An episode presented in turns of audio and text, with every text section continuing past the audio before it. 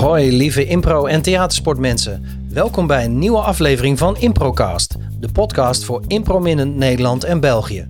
Mijn naam is Juran Arends en dit is Improcast. Nee, uh, welkom allemaal uh, bij deze vijftiende aflevering van Improcast. Uh, mannen in impro. Ja, het lang verwachte vervolg op de vrouwen in impro die hiervoor was. De vrouwen keken er al naar uit en die hadden al wat suggesties gedaan. En door diverse namen die genoemd werden, door, ja, zijn, eh, zijn uh, tot dit groepje gekomen. Dus ik heb dat uh, door middel van een aantal dames en uh, Richard en hebben we deze selectie kunnen maken. Dus leuk dat jullie er zijn. En volgens mij is het leuk om af te trappen met de vraag aan iedereen te stellen, om de beurt natuurlijk, van, nou ja, goed, wie ben je en wat is voor jou mannelijkheid? Om gewoon even, even meteen, meteen even vanaf het begin even wat neer te zetten. En dan kijken we of het, uh, waar we dit uh, naartoe uh, gaan brengen. Dus, nou zit iedereen, oh, niet mij als eerste, niet mij als eerste. Dan kies ik. Nou, mijn naam is Mark Dekker. Mark. Um, vanuit markdekker.nl heb ik een bedrijf waarin ik onder andere als presentator met improvisatietheater werk. En mm-hmm. verder speel ik op dit moment bij de Comedy Cowboys in Hilversum. Doe ik met de mensen okay. van Home Improvement het een en ander opproberen te tuigen in Tilburg, waar ik ook woonachtig ben. En heb ik een paar jaar geleden de Ring Warriors opgericht, een team vol man. En wat mannelijkheid voor mij is, is volgens mij gewoon jezelf zijn als man. Oké. Okay. Ja. Komen we nou, vast nog uh, verder, de, uh, gaan we ja. vast nog verder op in uh, later dit gesprek. Ja, ja, precies. Dat gaan we nog verder uitdiepen. En mooi beknopt begin. Dan schakelen we meteen over naar Sven. Ja, ik ben Sven Lanser. ik speel bij Rocky Amaretto. af en toe speel ik ook met de, de Weerwolven internationaal. Um, en ik heb mijn eigen bedrijf, uh, Business Impro, waarmee ik uh, trainingen uh, geef en teams begeleid binnen organisaties. En ik ben artistiek leider van Impro Amsterdam, het grootste improvisatietheaterfestival van Europa. Ja, daar ben ik zelf wel trots op. Ik zie Stefan lachen, maar het is wel zo. Um, en wat is mannelijkheid? Dat vind ik een super moeilijke vraag. Dus dat kan heel lang worden. Dus ik denk dat ik, dat ik me helemaal aansluit bij Mark, als je man bent en je bent jezelf, dan is dat dus mannelijkheid. Oké, okay. check. En dan gaan we nu naar Stefan. Van, ik uh, speel in verschillende improgroepen. Rocky Amaretto, Beperkt Houdbaar, Flunknarf. Ik speel nog in de voorstelling die heet Silent Comedy. Dus ook, um, ik ben stand-up comedian. Uh, verder van huis uit acteur is mannelijkheid um, eigenschappen die we hebben toegedicht aan, uh, aan mannen door de jaren heen. Dus de, de, maatschappij heeft gezegd, dit is mannelijk, dus zo horen mannen zich te gedragen. Maar ik heb het idee dat er langzaam maar zeker, zoals de vrouwenemancipatie al een hele tijd aan de gang is, langzaam maar zeker ook wel de mannen-emancipatie een beetje verbreedt. Wat, wat je als man mag zijn of zo. Oké, dank je. Uh, Sander. Ja, ik ben uh, Sander van Emden en uh, ik, uh, ik speel bij de meneertjes. Wat, nou, je begrijpt het al, alleen maar mannen zijn. Um, verder in het dagelijks leven, ik geef wel wat, wat groepen les, maar ik doe, met mijn werk ben ik gymleraar. Dus dat op zich niet iets, volgens mij met de rest wel, ben ik misschien een, de enige die niet iets met impro met zijn werk doet. Weet, ja, ik, ik denk inderdaad dat wat Mark en Sven en Stefan eigenlijk ook zeggen, dat dat het een beetje is. Uh, per se een kenmerk aangeven. Ja, een lichamelijk kenmerk, maar ja, die snappen we allemaal wel natuurlijk. Dat is een gymleraar. Ja. Ja. ja. nou, Richard, dan mag jij. Oh, um, ik ben Richard Roling. Hey, um, Sander is weg ook. Oh. Oké. Okay. nu wel iets verkeerd gezegd. Ja. Ik ben Richard Roling. Ik uh, doe ik impro voor mijn werk, voor bedrijven veel, teambuilding en uh, bedrijfstheater. Met de Stante P onder andere en mijn eigen bedrijf Box of Chocolates. Ik doe solo improvisatie. En ehm, voor de rest ben ik eh, ook inderdaad, zoals Mark noemde, ook een van de Comedy Cowboys. Die eh, echt meer wat snellere impro brengen. En uh, ben ik ook Rainbow Warrior. Aha, En Ma-. Mark doet nu Dus- hele stoere mannelijke bewegingen. en het is een, ja, toch een LHBT-team. En dat vinden wij heel goed samen kunnen gaan. Ehm, het gaat over, eh, je, je vraagt dat wat is mannelijkheid? Ja, daar kan ik bijna geen antwoord op geven. Want het antwoord zou dan liggen inderdaad in eigenlijk wat, het verlengde van Stefan. Wat dan zeg maar weer de stereotypen zijn die men bij mannelijkheid vindt passen. En die herken ik zelf bij mezelf sowieso niet zo. Mijn opvoeding is dat sowieso ook een beetje door elkaar gegaan. Maar ik heb geen stereotype mannelijke vader en vrouwelijke moeder. Dus qua rollen en karakter gaat dat bij hun ook al door elkaar. Dus eigenlijk in mijn leven die rollen altijd wel een beetje diffuus. Oké, nou misschien kunnen we daar later nog wat eh, meer over horen misschien. Eh ligt er natuurlijk aan of we daar eh, terechtkomen. Ehm dankjewel. David? Hi, Eh, ja, David Groeneveld. Ehm, even kijken, de groep eh, die ik als eerste noem is Broos. Dat zijn tien mannen. En ik ben een van die mannen. Eh, Serious Improv by Sensitive Men is onze ondertitel. Oké, Ehm, ja, en verder qua impro, ik zit ook in de, in de, in de Artie-commissie van Impro Amsterdam Festival. Het grootste festival van Europa. Toch, dankjewel. kruisverbanden inderdaad. Eh, eh. ja, ehm, verder eh, verbonden aan TVA en gastspeler bij de Easy Labs. De, de, groep- meer, meer al- wat groepjes waar ik nu en dan ben. Maar Broos is wel mijn, mijn, mijn, mijn, mijn thuisgroep. Dat realiseer ik me vandaag. Ja, dat is echt bij mij mijn clubpie. En ik vind het ook leuk om daar wat op te reflecteren. Ook van wat wij daar als mannen met elkaar hebben en doen. En dan meteen die Ja, vraag. ik want ik vind, het. Ja. ehm, ik vind het een lastige vraag ook omdat het- ik, ik heb er veel over nagedacht. Ehm, ik ben trouwens naast impro. Ik, ik verdien mijn geld momenteel vooral als trainingsacteur en theatermaker. En ik heb vroeger ook veel als therapeut gewerkt, ook in mannengroepen en zo. En ehm, ik heb er veel over nagedacht Mhm. wat nou de man van tegenwoordig is. Het- de term metroman vind ik interessant om nog eens langs te laten komen. Ik, ik denk dat wij allemaal. eh, wisten, ik voel me- voel mezelf een stuk softere man dan eh, de man die mijn vader was, bijvoorbeeld. En ehm, daar, daar begin ik eventjes mee. Ik, ik, vind het een Mhm. interessant zoekproces van hoe mannelijk mag je zijn van jezelf, Ja. van anderen. Eh, ik vind is dat een wij, mooie vraag, Ja, eh, dat, wij, wij mannen hebben het, hebben het niet per se diepen. zo Ja. makkelijk, vind ik momenteel. Dat is eventjes als eerste. Nee, dat, is- dat, is een, dat, dat is een goeie. Dat, ik denk dat we dat, dat is zeker iets wat we, wat we straks moeten aantikken. Want dat is, dat is zeker een hot item, vind, vind ik ook. Eh Sietse, Ja, mijn naam dankjewel is, eh, eh, David trouwens. Ja, sorry, Sietse, ga je gang. mijn naam is eh, Sietse Wilman. Ehm, ik eh, improviseer denk ik nu een jaar of vijftien. Voornamelijk ehm, in groepen met zowel mannen als vrouwen. Enkele keer ook wel eens een gelegenheidsgroepje met alleen maar mannen. Maar vooral ehm, ja, gecombineerde teams. Ik heb tien jaar bij Placebo gespeeld. met de vereniging gespeeld. En ik speel momenteel nog met de eh Weerwolven groep. Eh, dus doe ik Oké. vooral internationale eh, voorstellingen mee. En Mhm. ook met het gevolg. Er zitten ook zowel mannen als vrouwen in. Ehm, en eh, origineel als ik ben, eh, heb ik een eigen bedrijf. Waarin ik eh, ook eh, veel met improvisatie doe. ehm, trainingen, eh, presentaties, voorstellingen, dat soort, eh, dat soort dingen. En mannelijkheid vrij is eh, tweeledig. Ik ben het eigenlijk met alle voorgaande sprekers eens. En je hebt natuurlijk enerzijds de mannelijkheid zoals die soort van maatschappelijk gedefinieerd is. En anderzijds je eigen mannelijkheid. En die twee die vallen niet altijd samen. Mooi, dank je. Eh, en dan, eh, last but not least, eh, Ben Verhoeven. Hoi, eh, ik ben Ben Verhoeven uit Antwerpen, België. En eh, ik ben improvisator en wetenschapscommunicator. Dat doe ik in mijn eigen bedrijfje Erlenmeyer. Verder ben ik eh, een medeoprichter en speler bij Swipe in Antwerpen. Ben ik, eh, eh, speel ik heel graag musical improvisatie, onder andere bij Commotie. Ehm, zit ik in een trio samen met eh, Vincent van Nieuwenhuizen en Charlotte Metsenaren in Prism. En ben ik ook co-regisseur samen met Sitse van de Werewolves Improv Show, ehm, waarmee we internationaal ook gaan. En regelmatig gastspeler bij Improbubble in Brussel. Ehm, mannelijkheid voor mij is, als ik het beknopt hou, heel divers. Dat is eh, heel beknopt inderdaad. Ja, en dan kun je ook alle kanten mee op.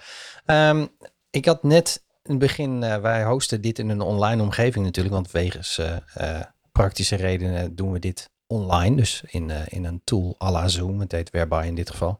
Ehm, had ik een mooi sp- spreadsheet-achtige mindmap, eh, maar eigenlijk zijn hier ook allemaal ballonnetjes die aan elkaar ge- gelinkt zijn, want je hebt heel veel samenwerkingsverbanden en raken, raakvlakken met elkaar, dus eh, eh, het is mooi om te zien dat, dat dat soort verbanden er zijn. Ehm, nou, we hebben het al over wat is mannelijk gehad. Ehm, mannelijkheid voor jou. Ehm, dan nog even een andere vraagje. Misschien is dat een, iets anders, maar dat kan ook wel wat over jezelf zeggen. Wat is voor jou, welke muziek typ- typeert je, zeg maar? Dat vind ik ook wel al mooi. Dat zegt ook al, eigenlijk stiekem altijd wel iets meer over iemand dan dat hij zou willen doorgeven. Maar, en dan beginnen we nu bij eh, Sven. Ja, eh, is dat gewoon wat voor muziek ik leuk vind? Nou, wat, wat, wat, wa- waar jij je het meest in her- herkent, zeg maar. In wat voor genre, wat voor band. Of als je zegt van, als er nou een muziek of een uitvoerende of een, of een genre muziek zou zijn, wat eigenlijk in een notendop mij zou beschrijven, wat, wat zou dat kunnen zijn?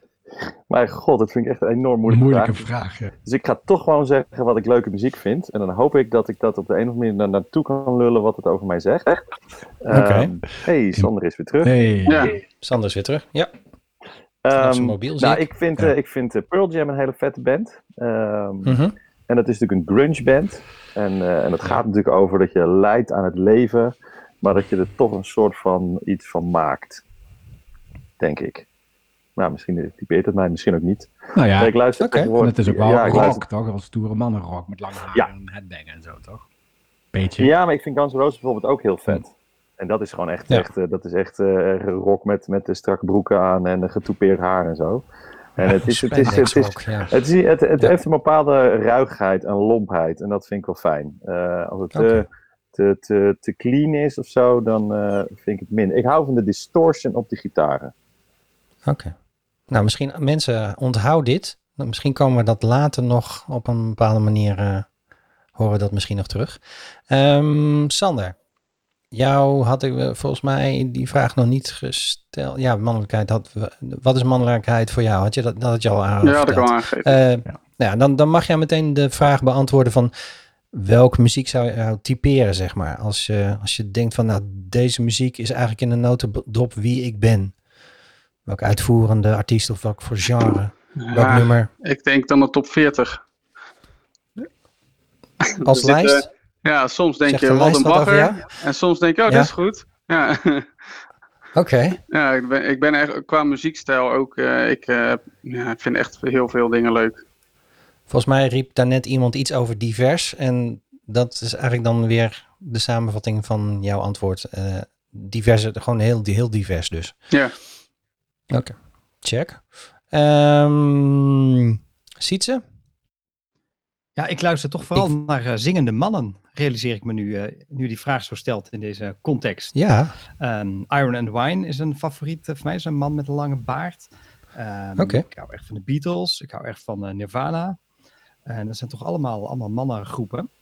Maar, maak je ook trouwens podcast van, hè, van Nirvana. klopt inderdaad. Even- dus mocht je Ja. zin hebben om, eh, ik geloof dat we inmiddels 15 afleveringen van eh, ruim een uur uit hebben. Dus mocht je er wat meer eh, van Ja. willen weten.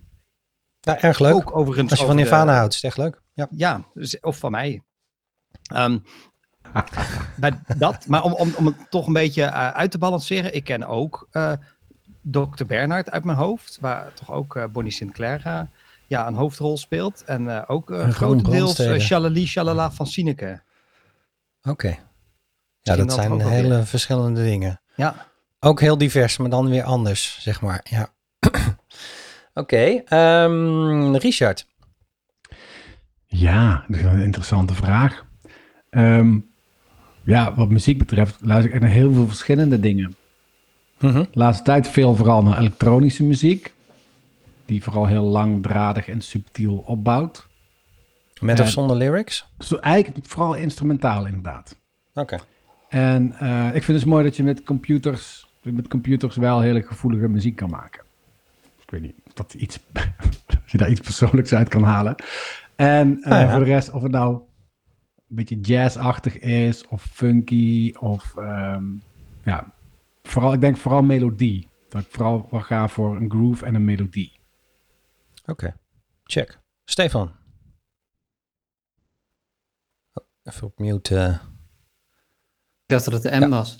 Ehm, eh, ja, echt van alles. Er is geen pijl op te trekken. Maar ik merk dat ik vooral heel erg op uh, sfeer uh, aanga. Dus van, waar, waar, waar, heb ik nu zin in? En dat vul ik dan in bij Spotify. En dan zoek ik gewoon een lijst en dan doe ik shuffle. Wat ik lekkere nummers vind. Oké. Okay. Ja. ja, dat inderdaad. Dat kan ook inderdaad door de mood. Maar ik heb zich nog wel een goed bruggetje van muziek. ja? Maar laten we misschien eerst dan de rest afgaan. Ja, ja. David. Ja, ik moet uh, sowieso altijd eerst Maarten van Roosendaal noemen, want dat is even mijn helden.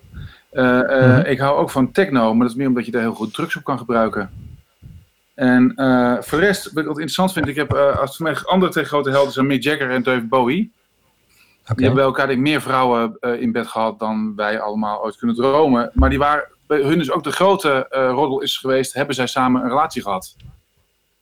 Ik vind het interessant bij hun. Dus het was ook altijd wel, dat zijn mijn, dat, ik heb, ja... Huh? Ik vind, het ook hele ik vind het ook hele aantrekkelijke mannen trouwens, allebei. Oké. Okay. Uh, um, en die hielden ook van techno allebei, of niet? Huh? Nee, dat was, ja. Hielden ze ook ja? van techno allebei? Of, uh... hm? Hielden die twee ook allebei van techno? Vast, vast wel. In ieder geval, ze hielden, ja, allebei van drugs, dat sowieso. Maar uh, we houden trouwens, want eentje leeft nog. Uh, ja, ja. Mick Jagger leeft nog toch, ja. Maar ja, ja. Uh, ja. Nee, maar die, die, die twee mannen die, die bestaan, die, die betekenen heel veel voor mij. Uh, in mannelijkheid, maar ook in een soort, ja, bijna androgyn. Natuurlijk hadden ze allebei...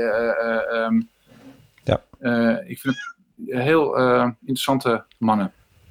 Oké. Okay. Mag ik wat vragen? Uh, ja? Ja. Dat, uh, David, ja? Ja, ja, jij, jij valt op vrouwen doorgaans, toch? Ja, doorgaans wel. Ja, nee, klopt, voor de ja, ja, ja, Omdat je noemt okay. nu twee mannen die je dan aantrekkelijk vindt. Ja. Dat vind ik opvallend. Ja. Ik, ja, nee, dit is sowieso... Ik zou niet per se over vrouwen kunnen... Ik heb niet datzelfde, die is niet zo per se bij vrouwen dat ik zeg dat ik aantrekkelijke vrouwen heb.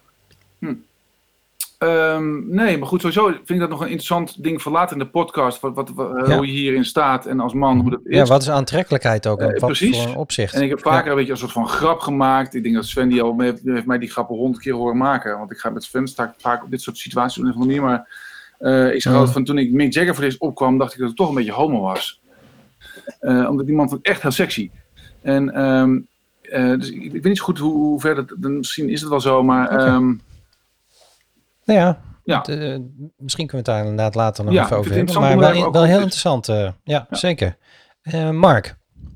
Ja, ik hou zelf van heel veel verschillende soorten muziek. En het ligt inderdaad ook wel aan stemming.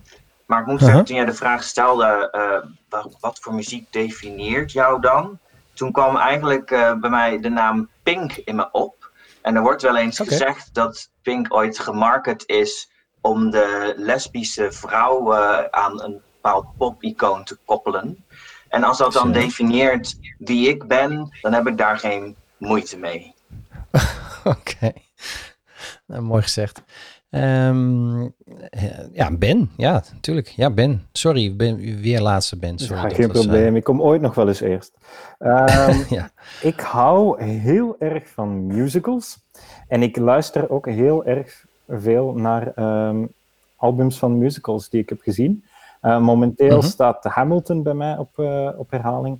Uh, vind ik super cool. Okay. is ook de eerste keer dat ik veel met hip-hop in aanraking kom zelf. Heb ik vroeger nooit veel geluisterd. Um, dus -huh. dat is echt super um, tof om dat wat te verkennen, hoe divers dat het ook is.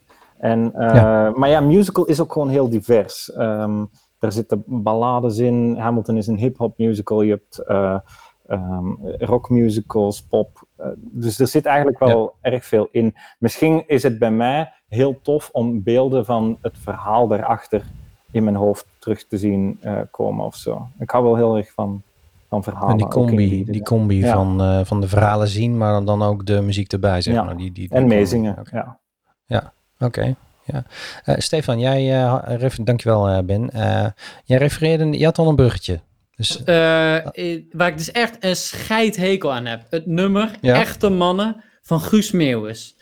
Dat nummer, ik weet niet of je het kent, maar een beetje het nummer, het gaat zo, eh, een man komt thuis en de vrouw vraagt zo van, nou, wat, wat eh, was het gezellig? Ja, was heel gezellig in de kroeg met vrienden. En waar hebben jullie het over gehad? En dan zo, ja, dat weet ik niet. En dan is het refrein, echte mannen praten niet, ze zeggen. En dan nog wat loze dingen. En het tweede refrein gaat helemaal over dat hij zijn gevoel niet kan uiten en nooit heeft geleerd en zo.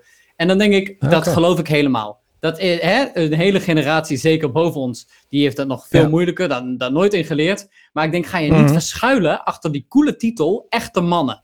Dat vind ik lastig. Ja. Dat vind ik excuus zoeken. Ja, ik ben gewoon een echte man. Nee, het is hard werken. Het is moeilijk om kwetsbaar te zijn. Hup, aan de bak. Joehoe! Ik wil even gewoon Ja. juichen, want ik ben het heel erg met Stefan eens.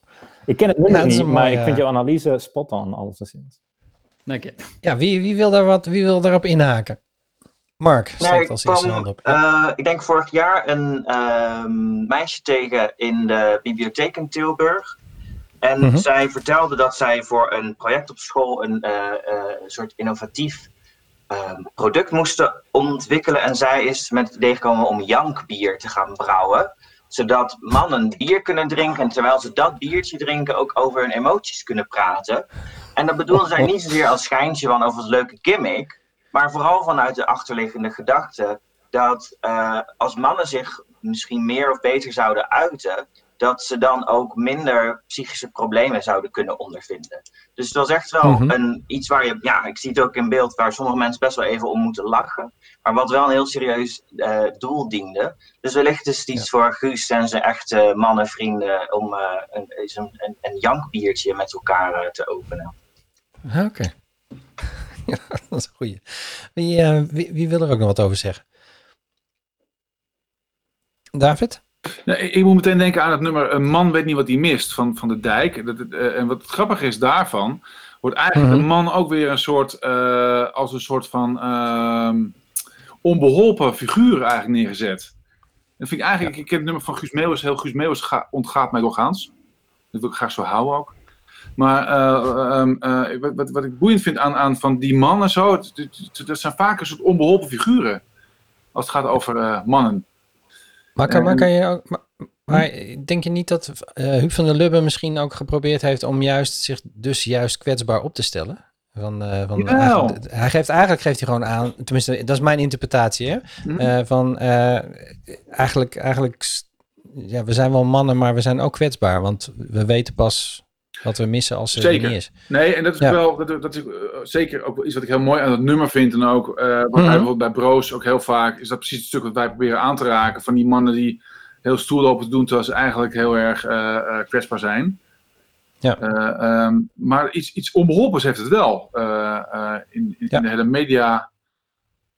net als die, die, de man in de reclame die niet weet hoe de wasmachine werkt, weet je wel. Het, het is echt iets, iets, Ja. Iets lulligs. Ja, dat is ook wel, stereotyperend eh, natuurlijk, ja. Doe me ook Ja, dat doet een ander Guus dan nummer, eigenlijk ook natuurlijk. een ander Ja. nummer van Tom Robinson. Heet, het nummer heet Hard. En dat gaat juist precies hierover inderdaad. Dus het compleet is dan allemaal van eh, mannen zijn stoer, en mannen zijn sexy, en mannen moeten dit, en mannen moeten dat, en mannen kunnen alles. En het refrein is dan, it's so hard to be a man. Dus dat vind ik wel mooi, dat hij dan dat dus tegenspreekt van al die rollen die dan eh, verwacht worden. Dus dat is eigenlijk meer het antwoord dan op, eh, op het Ja. lied van wat eh, David net noemt. En Ben? Ja, het ehm, is, deze analyse is eigenlijk wel terug te leiden gewoon naar hoe we geopend zijn. Namelijk dat je Mhm. man zijn is je unieke eigen mannelijkheid, maar die socioculturele mannelijkheid, dat is dit. Dat is de prototypische eh, wat de maatschappij denkt dat mannen doen of zijn. En die Ja. leunt nog altijd meer naar het eh, mannen zijn stoer, tonen geen emoties, kunnen niet over hun emoties praten. Dat zijn nog altijd de stereotypen of de clichés die, die denk ik in de maatschappij alomtegenwoordig zijn. En ik wou Mhm. eigenlijk ook al in, ineens een soort van ehm, waarschuwing geven. Wij gaan ook nooit eh, een, een algemeen beeld over mannelijkheid kunnen geven, want we zijn gewoon een kei gebiasde groep met eh, negen acteurs eh, op, eh, ehm, in deze podcast. Dus ik denk Mhm. dat we gewoon keihard getraind zijn om wel over onze emoties bijvoorbeeld te praten, of op zijn minst wat we over iets voelen.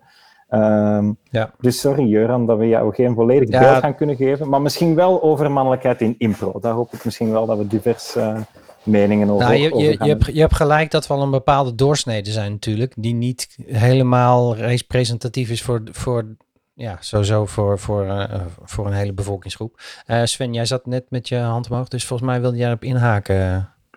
Ja, klopt. Ehm, eh, ik ben het helemaal met- Ben eens dat dat, het, hè, dat, dat het socio-culturele aspect dat dat meetelt. En dat gaat dan helemaal terug naar het nature of nurture verhaal. Hè. Zijn het onze genen of is het onze cultuur? Ehm, en ik denk dat het een het ander veroorzaakt, het een het ander versterkt.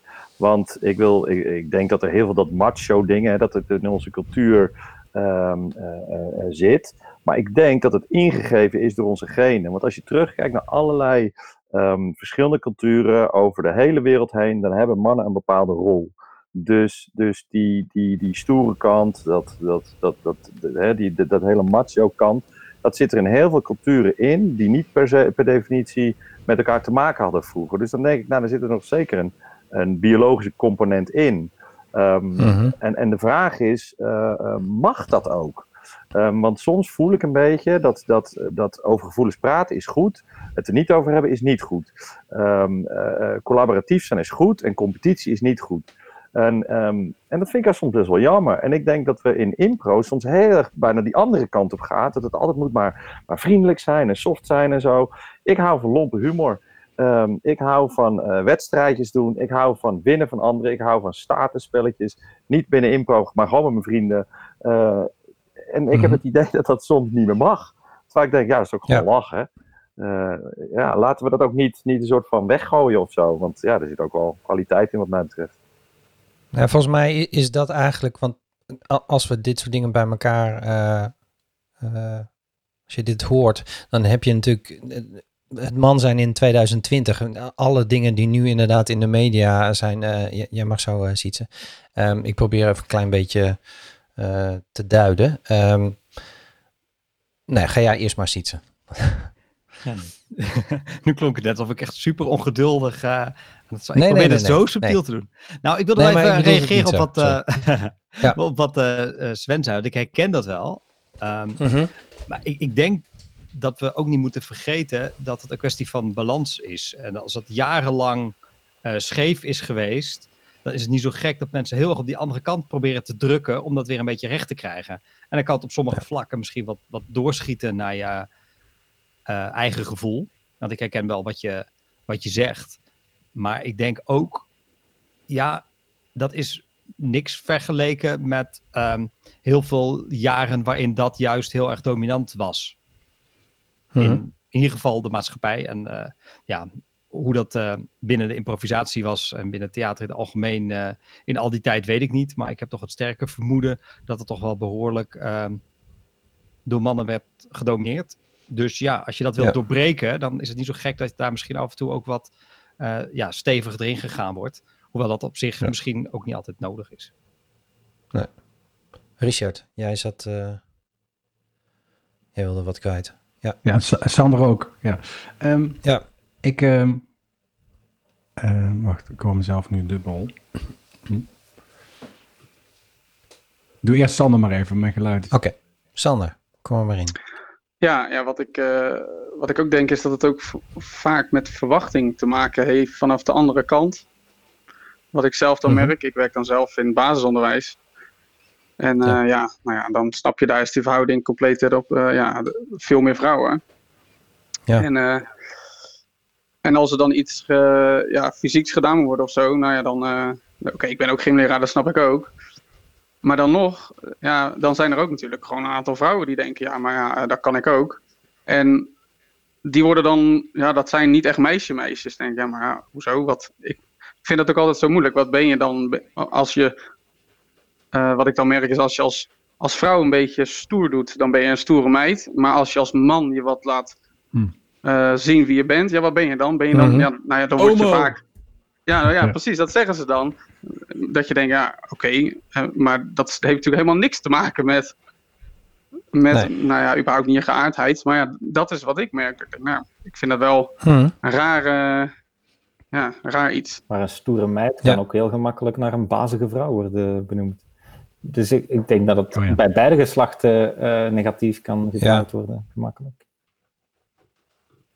Eh, Richard, jij wa- was net... aan Ja, het- ik wilde Ja, iets anders zeggen, maar misschien nu, omdat weer iets anders nu genoemd is. Ehm, ja, wat, eigenlijk reageer ik gewoon op Stefan. Die zegt homo. Ehm, Ik bedoelde dat spottend, hè? Ik bedoel, ik ben daar helemaal snap tegen. ik. Nee, maar, dat is wel, maar, maar, maar daarom snap ik Ja. natuurlijk, is dat een grapje. Eh, maar dat is Mhm. wel wat er aan de hand is natuurlijk vaak, hè, met dit soort, eh, dat mensen dat grapje bedoelen, maar dan dus, ehm, ja, er wordt homo dus wel als scheldwoord gebruikt. En ehm, dat is volgens mij ook heel veel met andere rollen en zo. Dat is een beetje, beetje, een beetje als grapje bedoeld, maar uiteindelijk ehm, wordt het wel gezegd. Ja. En dan moet ik ook naar mezelf kijken. Want eh, net ook over het. ehm, ik ben even kwijt wat ik wilde zeggen. Eh, oh ja, over dat je dus bevooroordeeld bent. Omdat ik dus homo ben, denk ik altijd: oh ja, dan voel ik me niet direct aangesproken op. ehm, eh, als het mannelijkheid, eh, of het over mannelijkheid gaat, of bijvoorbeeld in de vrouwenpodcast werd Mhm. dan over mannen en impro gesproken, heb ik altijd bij mezelf zoiets van ja, maar ik- omdat ik homo ben, val ik daar sowieso een beetje tussenin qua rollen. Terwijl dat juist het gevaar is, omdat ik, als ik dan eerlijk kijk, denk ik, oh ja, ik maak me toch wel schuldig aan veel van die dingen. Bijvoorbeeld mansplaining of eh, toch als eerste opstap staan in een eh, workshop situatie of zo. Dat zijn de dingen die dan werden genoemd in de vrouwenpodcast. Dan, oh ja, dat maak ik misschien zelf toch wel schuldig aan. Dus misschien moet ik toch wel iets meer proberen daar eh, open voor te staan. ja, eh, David, jij, jij wilde daar ook eh, wat op inhaken dan? Nou, dat was, dat was ook Ja. dat, dat het homo, maar misschien is het meer voor later, Mhm. omdat we een beetje van, van het onderwerp afgaan. Maar wat ik eh, interessant moet eventjes de, de, de eventjes met lesbiennes werd, werd eh, gelegd.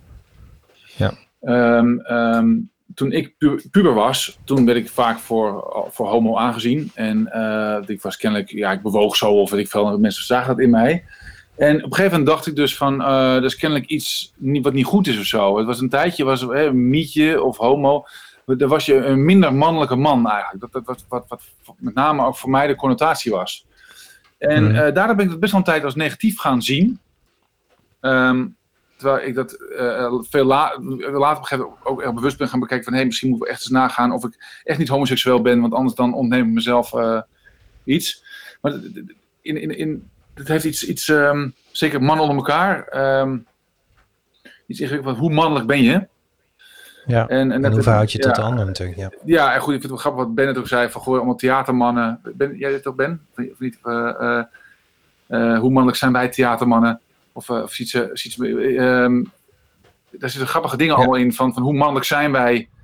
Eh, eh, en, ehm, Ja, en, en, en eigenlijk voor de rest van de, van de pot, de- eigenlijk wat invalshoeken, de, maatschappij hebben we nu ge- aangeraakt. Maar als we bijvoorbeeld inderdaad meer naar impro gaan, hebben we natuurlijk verschillende facetten ook. Eh, eh, hoe, hoe ben je als man eh, in, in- de voorbereiding, in de repetitiekleedkamer, in, in, in je groep? En, en hoe, hoe zet jij je man zijn neer op, op het podium? Inderdaad, in welke facetten eh, ga je voor de stereotypes? eh, het, volgens mij hebben we dat ook, dat, dat soort invalshoeken nog inderdaad. Nou, als ik daar meteen op mag reageren, dan, dan Ja. doe ik meteen nog een ander thema in. Want, want volgens mij hebben we, ook dit thema heb ik vaker, kom ik er tegen. Hm. Ik, ik vertelde net al, ik, in, in, in hulpverlening heb ik een tijd lang de mannengroep gedaan, een paar jaar. En eh, Ja. daar kwam hetzelfde thema in terug, wat ook wel in een aantal theatergroepen terugkwam, namelijk eh, eh, de angst voor mannen om als dader gezien te worden. Dus ik denk dat voor een deel zijn er ook heel veel mannen die dus voorzichtiger zijn dan dat ze zouden willen zijn. Uit angst om als viezerik of als. nou goed, dat is iets wat voor mij op het podium ook speelt. Oké. Ja, Sietse, Sietse ga, ging daar inderdaad, eh, die, die straks hand op. Ja, omdat ik het heel erg herken. Ik heb dat zelf eh, heel sterk. En zeker bij improvisatie, omdat je dan natuurlijk... Ja, de keuze die je personage maakt, die heeft ook iets met Mhm. jou te maken. Je kunt het niet veilig maken, omdat het nou eenmaal niet een script is dat je van tevoren hebt. Dat je van Nee. tevoren erover kunt hebben. Goh, we hebben straks die en die scène. Wat is oké, wat is Ja, niet je oké. bent zelf die het Er zit speelt. geen regisseur Ja. bij eh, op dat moment. Dus ik heb zelf wel eens ook in eh, workshops het daar met mensen over gehad. Of gewoon na afloop. En ik kreeg bijna altijd terug van ja, maar dat, hoef je niet al te voorzichtig en terughoudend mee te zijn. Maar ik heb liever dat tien keer dan dat je één keer terug hoort van, oh, maar ik voel me daar helemaal Ja. niet prettig bij of heel erg onveilig bij. En ik denk dat dat wel echt een weg is die je moet afleggen met je groep Ja. of met mensen met wie je vaak speelt. Dat je echt weet van elkaar, dit kan wel, Wat de grenzen zijn. Ja, en meestal kom je er dan, tenminste, dat is mijn ervaring, wel achter dat er veel meer kan en oké is dan je Mhm. misschien denkt. Maar ik ben zelf wel in die zin better safe than sorry. En Ja. pas langzaam. Je zou zeggen dat je toch een beetje met, kun je dat met een handrem erop speelt eigenlijk. Dan. Nou, ik denk in het verleden wel. Ik denk nu steeds minder, omdat ik mezelf daar steeds beter op durf te vertrouwen. Mhm. En omdat ik speel met andere mensen die inmiddels misschien ook ouder zijn, steviger in hun schoenen staan, eh, met wie ik meer ervaring heb of het erover gehad heb. Ja. En dan schept dat, schept dat wel ruimte. Maar ehm, ja, ik denk zeker binnen improvisatie, als je het niet zeker weet dat het oké is, ehm, ja, dan vind ik het alleen maar vrij sociaal en menselijk om me dan ja, een klein beetje voorzichtig mee te zijn met sommige Ja. dingen. Stefan, jij, jij wilde Ja, daar ook op inhaken. Als in, Ja. eh, eh, dit weet ik eigenlijk niet, hè? maar hebben eh, andere spelers hier eh, het idee dat, dat dit veranderd is sinds misschien MeToo? Dat je eh, sneller voorzichtig bent, of misschien huiverig om bepaalde dingen te doen, dat je daarvoor niet had. Want zo lang impro ik nog niet en ik heb dat daarvoor niet anders ervaren dan dat ik dat nu ervaar. Nou, voor mij is het dus meer eh, eerder andersom, maar dat is denk ik meer mijn persoonlijke ontwikkeling. Eh dat je het er op een gegeven moment dingen meer bespreekbaar maakt en eh, dat, dat dat meer doet. Maar ik kan me voorstellen dat dat maatschappelijk gezien, voor de meeste mensen die nu beginnen, juist wat ingewikkelder is. En Ja. daar bewust van te zijn. Maar anderzijds, ja, je moet ook oppassen dat het dan inderdaad niet spelen met de handrem erop wordt. En dat het je, de kwaliteit van je spel en je voorstelling eh, negatief beïnvloedt. Nou, ik wil Ja, er heel snel wat over Ja. zeggen. Want ehm, eh, ik geef al heel lang eh, geef ik workshops over eh, intimiteit ehm, eh, binnen impro. En ehm, een van de dingen die ik altijd doe aan het begin, dan ga ik even een gesprek. En dan gooi ik wat stellingen erin en dan kunnen mensen aangeven in hoeverre ze daar wel of niet mee eens zijn. En ehm, eh, een van de vragen, eh, of een van de stellingen die ik altijd neerleg, is, is eh, ik ben bang om iemand anders grenzen over te gaan. En wat je ziet is dat Mhm. mannen het daar altijd ontzettend mee eens zijn. Ze zijn doodsbang om over grenzen te gaan. Vrouwen hebben dat veel Ja. minder. Als je vervolgens vraagt, eh, ik ben bang dat er over mijn grenzen heen wordt gegaan hè, binnen het spel, dan zie je dat die vrouwen daar, daar over het algemeen helemaal niet zo bang voor zijn. Die mannen zijn vooral bang, dus die spelen inderdaad een beetje met de handrem erop om te voorkomen dat, Dat ze als worden gezien of dat ze ja. inderdaad ver- te ver gaan. En ehm, Mhm. wat je wel merkt, dat die hele MeToo, die heeft er wel voor gezorgd, in, in mijn eh, eh, beleving, eh, binnen die workshop, dat mannen nog meer zoiets hebben van, ja, weet je wat, ik doe het wel gewoon helemaal niet, die intimiteit, want het kan eigenlijk, ik kan het alleen maar fout doen. Ehm, Ja. En eh, sommige vrouwen hebben dat ook hoor, maar ik merk dat vooral mannen daar echt, echt wel een angst op hebben eh, zitten, ja. Helaas. Zou je dan eigenlijk, kunnen zeggen dat het dus iets van de spel, ja, spelvreugde dan er vanaf gaat? Of de, of de Nou, on- je- onbezonnenheid? Of, of... Het, het, het hangt ervan af, inderdaad, wat, wat denk ik ook zegt, in hoeverre je het met je eigen groep doet. Ik heb deze workshops Mhm. binnen groepen gedaan en open inschrijving. En eh, binnen groepen merk je dat het gewoon heel nuttig is om het met elkaar hierover te hebben en het ook echt te gaan doen. Eh, want dan Ja. creëer je de veiligheid eh, om, om, om eh, ja, bepaald, bepaalde scènes wel te kunnen spelen. En, maar bijvoorbeeld internationaal wordt er ook heel veel in wisselende groepen gespeeld. En dan zie je toch dat mensen vooral ja, voor de veilige route kiezen. En aan de En ene is- kant is snap ik dat heel erg, maar aan de andere kant vind ik het heel erg zonde. Want als ik kijk naar waar gaat theater over, dat gaat gewoon over, dat gaat over dood en seks. Of liefde, wat dan ook, weet je wel. Maar dat is ongeveer de dingen Mhm. die boeiend zijn. Het is zonde als we dat, als we dat wegdoen, want geweld mag dan niet, want dat is onveilig. En, en, en liefde durven we niet te doen, want dat is ook onveilig. Terwijl juist als je die rand een beetje opzoekt, dan gaat het schuren en dan vind ik het spannend worden. En, en die, die, eh, is er dan nog verschil in, eh, in groepen ook? eh, als je dus een gemengde groep hebt of een mannengroep? Is, is de, speelt dat veilig zijn of wel meer de grens op te zoeken? eh, sp- Speelt dat in een mannengroep dan minder, omdat je dan met mannen onder elkaar bent? Of? Ja, er spelen andere dingen. Ehm dat zou ik eigenlijk even aan. eh, ja, ik, ik, heb, ik heb Broos heb ik David kan er ook wat over. Ja. Dus David die zat erbij. Ja. En daar gebeurden Mhm. ook wel dingen. En dat, dat Ja. was wel iets anders. Maar David misschien verder iets over zeggen.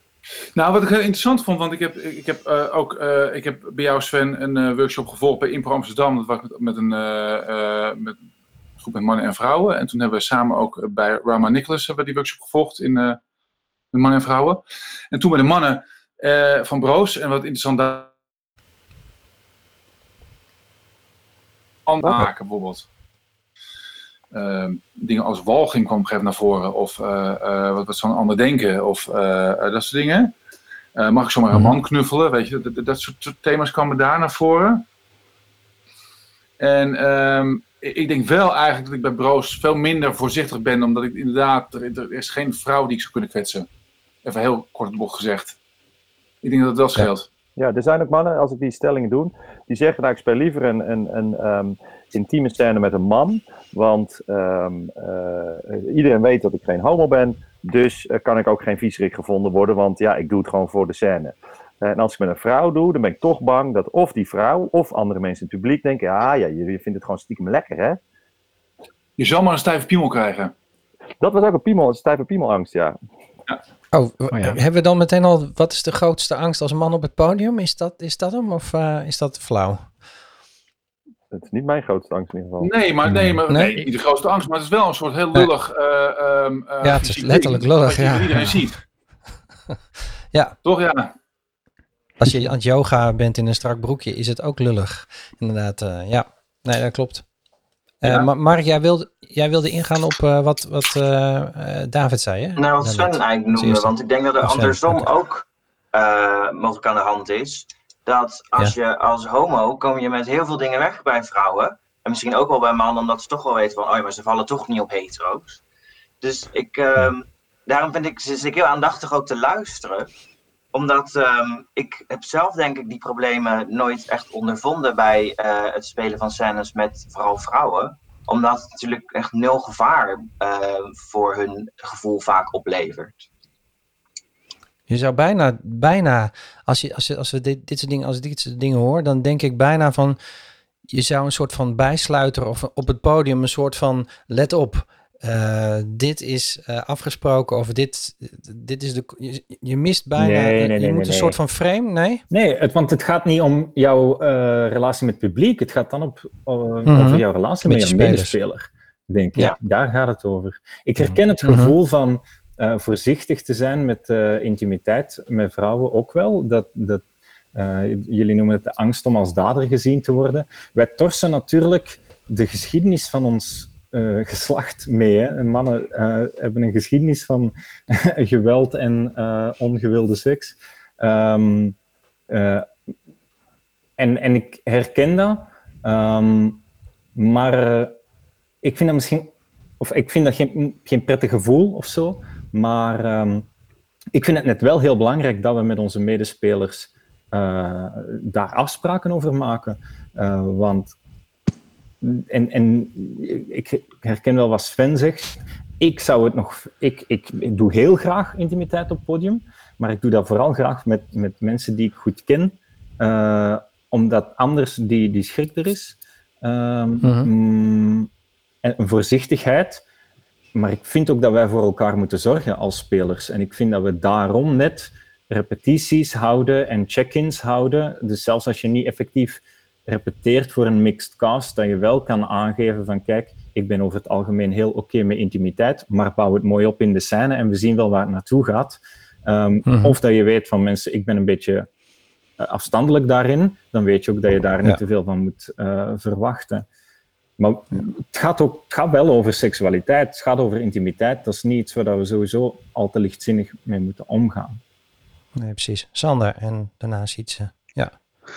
Ja, ja ik- zelf merk ik het eigenlijk niet een verschil of ik nou een intieme scène met een man of een vrouw speel, zeg maar. Bij mij is het inderdaad meer, gaat het om in hoeverre ken je die ander, vertrouw je die ander en dat soort dingen. En het Mhm. geslacht maakt er niet zo heel veel uit. Natuurlijk, ik zit in een groep met de meneertjes, maar wij zoeken juist vaak eh, vrouwen op om, om onze voorstelling mee te spelen. Juist ook omdat het, ik vind de balans dan toch mooi tussen, tussen het mannelijke en het vrouwelijke, maar ehm, het is niet als ik dan met zo'n vrouw sta te spelen en ik weet niet per se wat ze wil, of dan een man of een vrouw is, maakt mij niet uit of ik het dan doe. Het gaat meer om hoe goed ken ik die ander. Dus ik heb Ja. niet eigenlijk wat Sven zegt.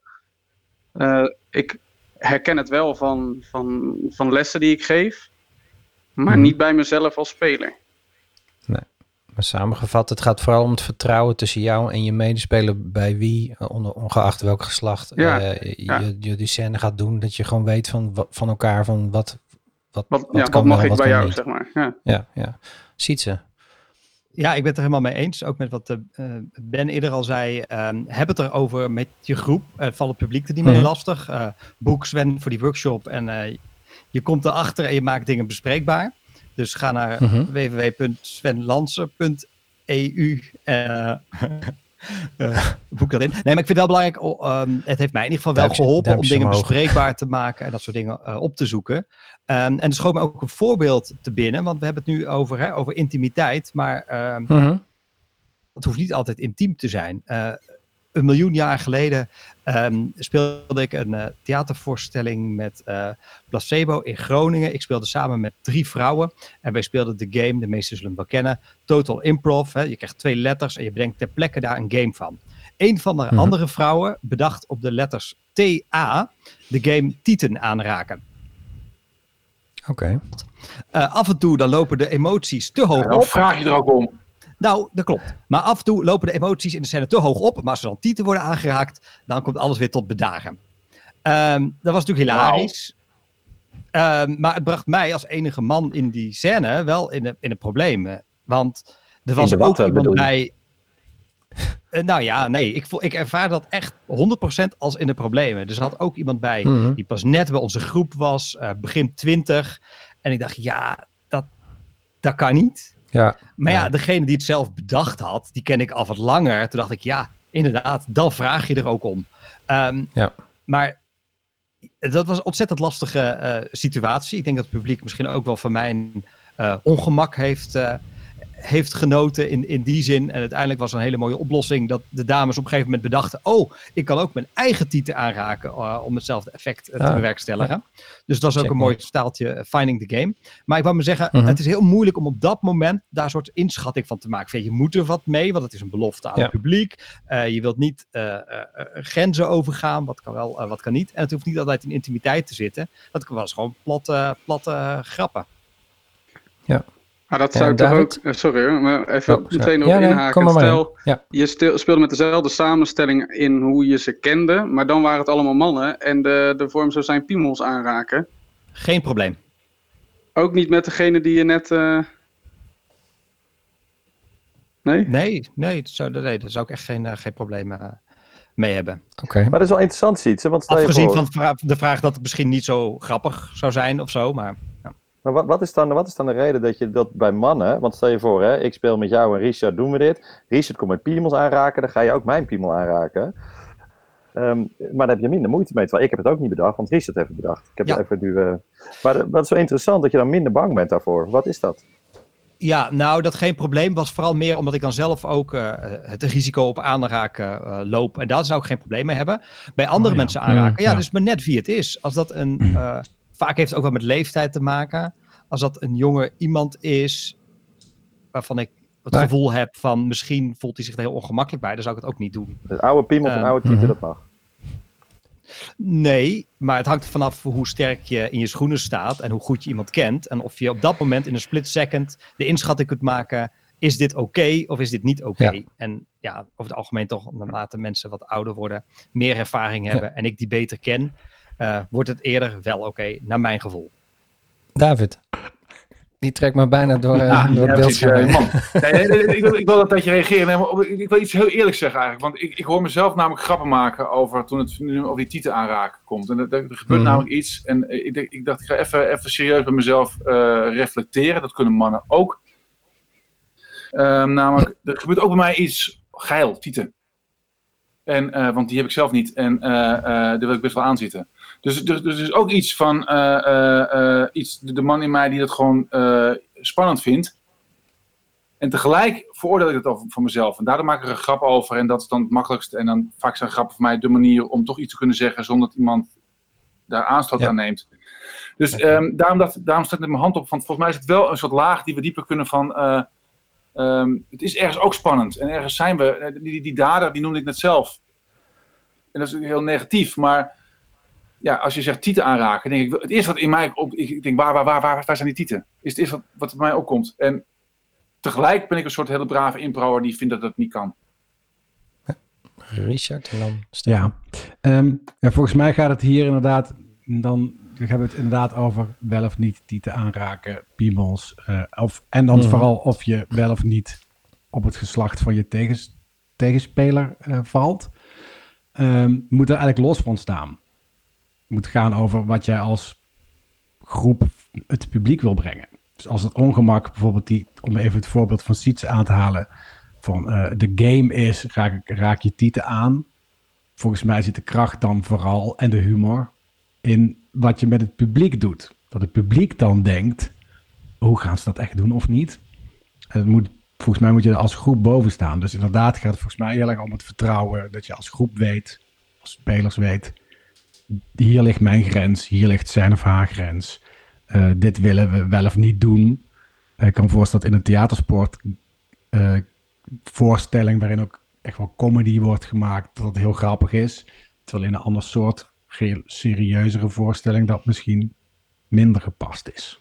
Ik kan me herinneren van, van mezelf namelijk, dat ik, ik heb ooit een voorstelling met een vrouwelijke speelster gedaan, heet Het Bed In. En daar speelden we allemaal scènes, eh bedscènes en versierscènes en relatiescènes.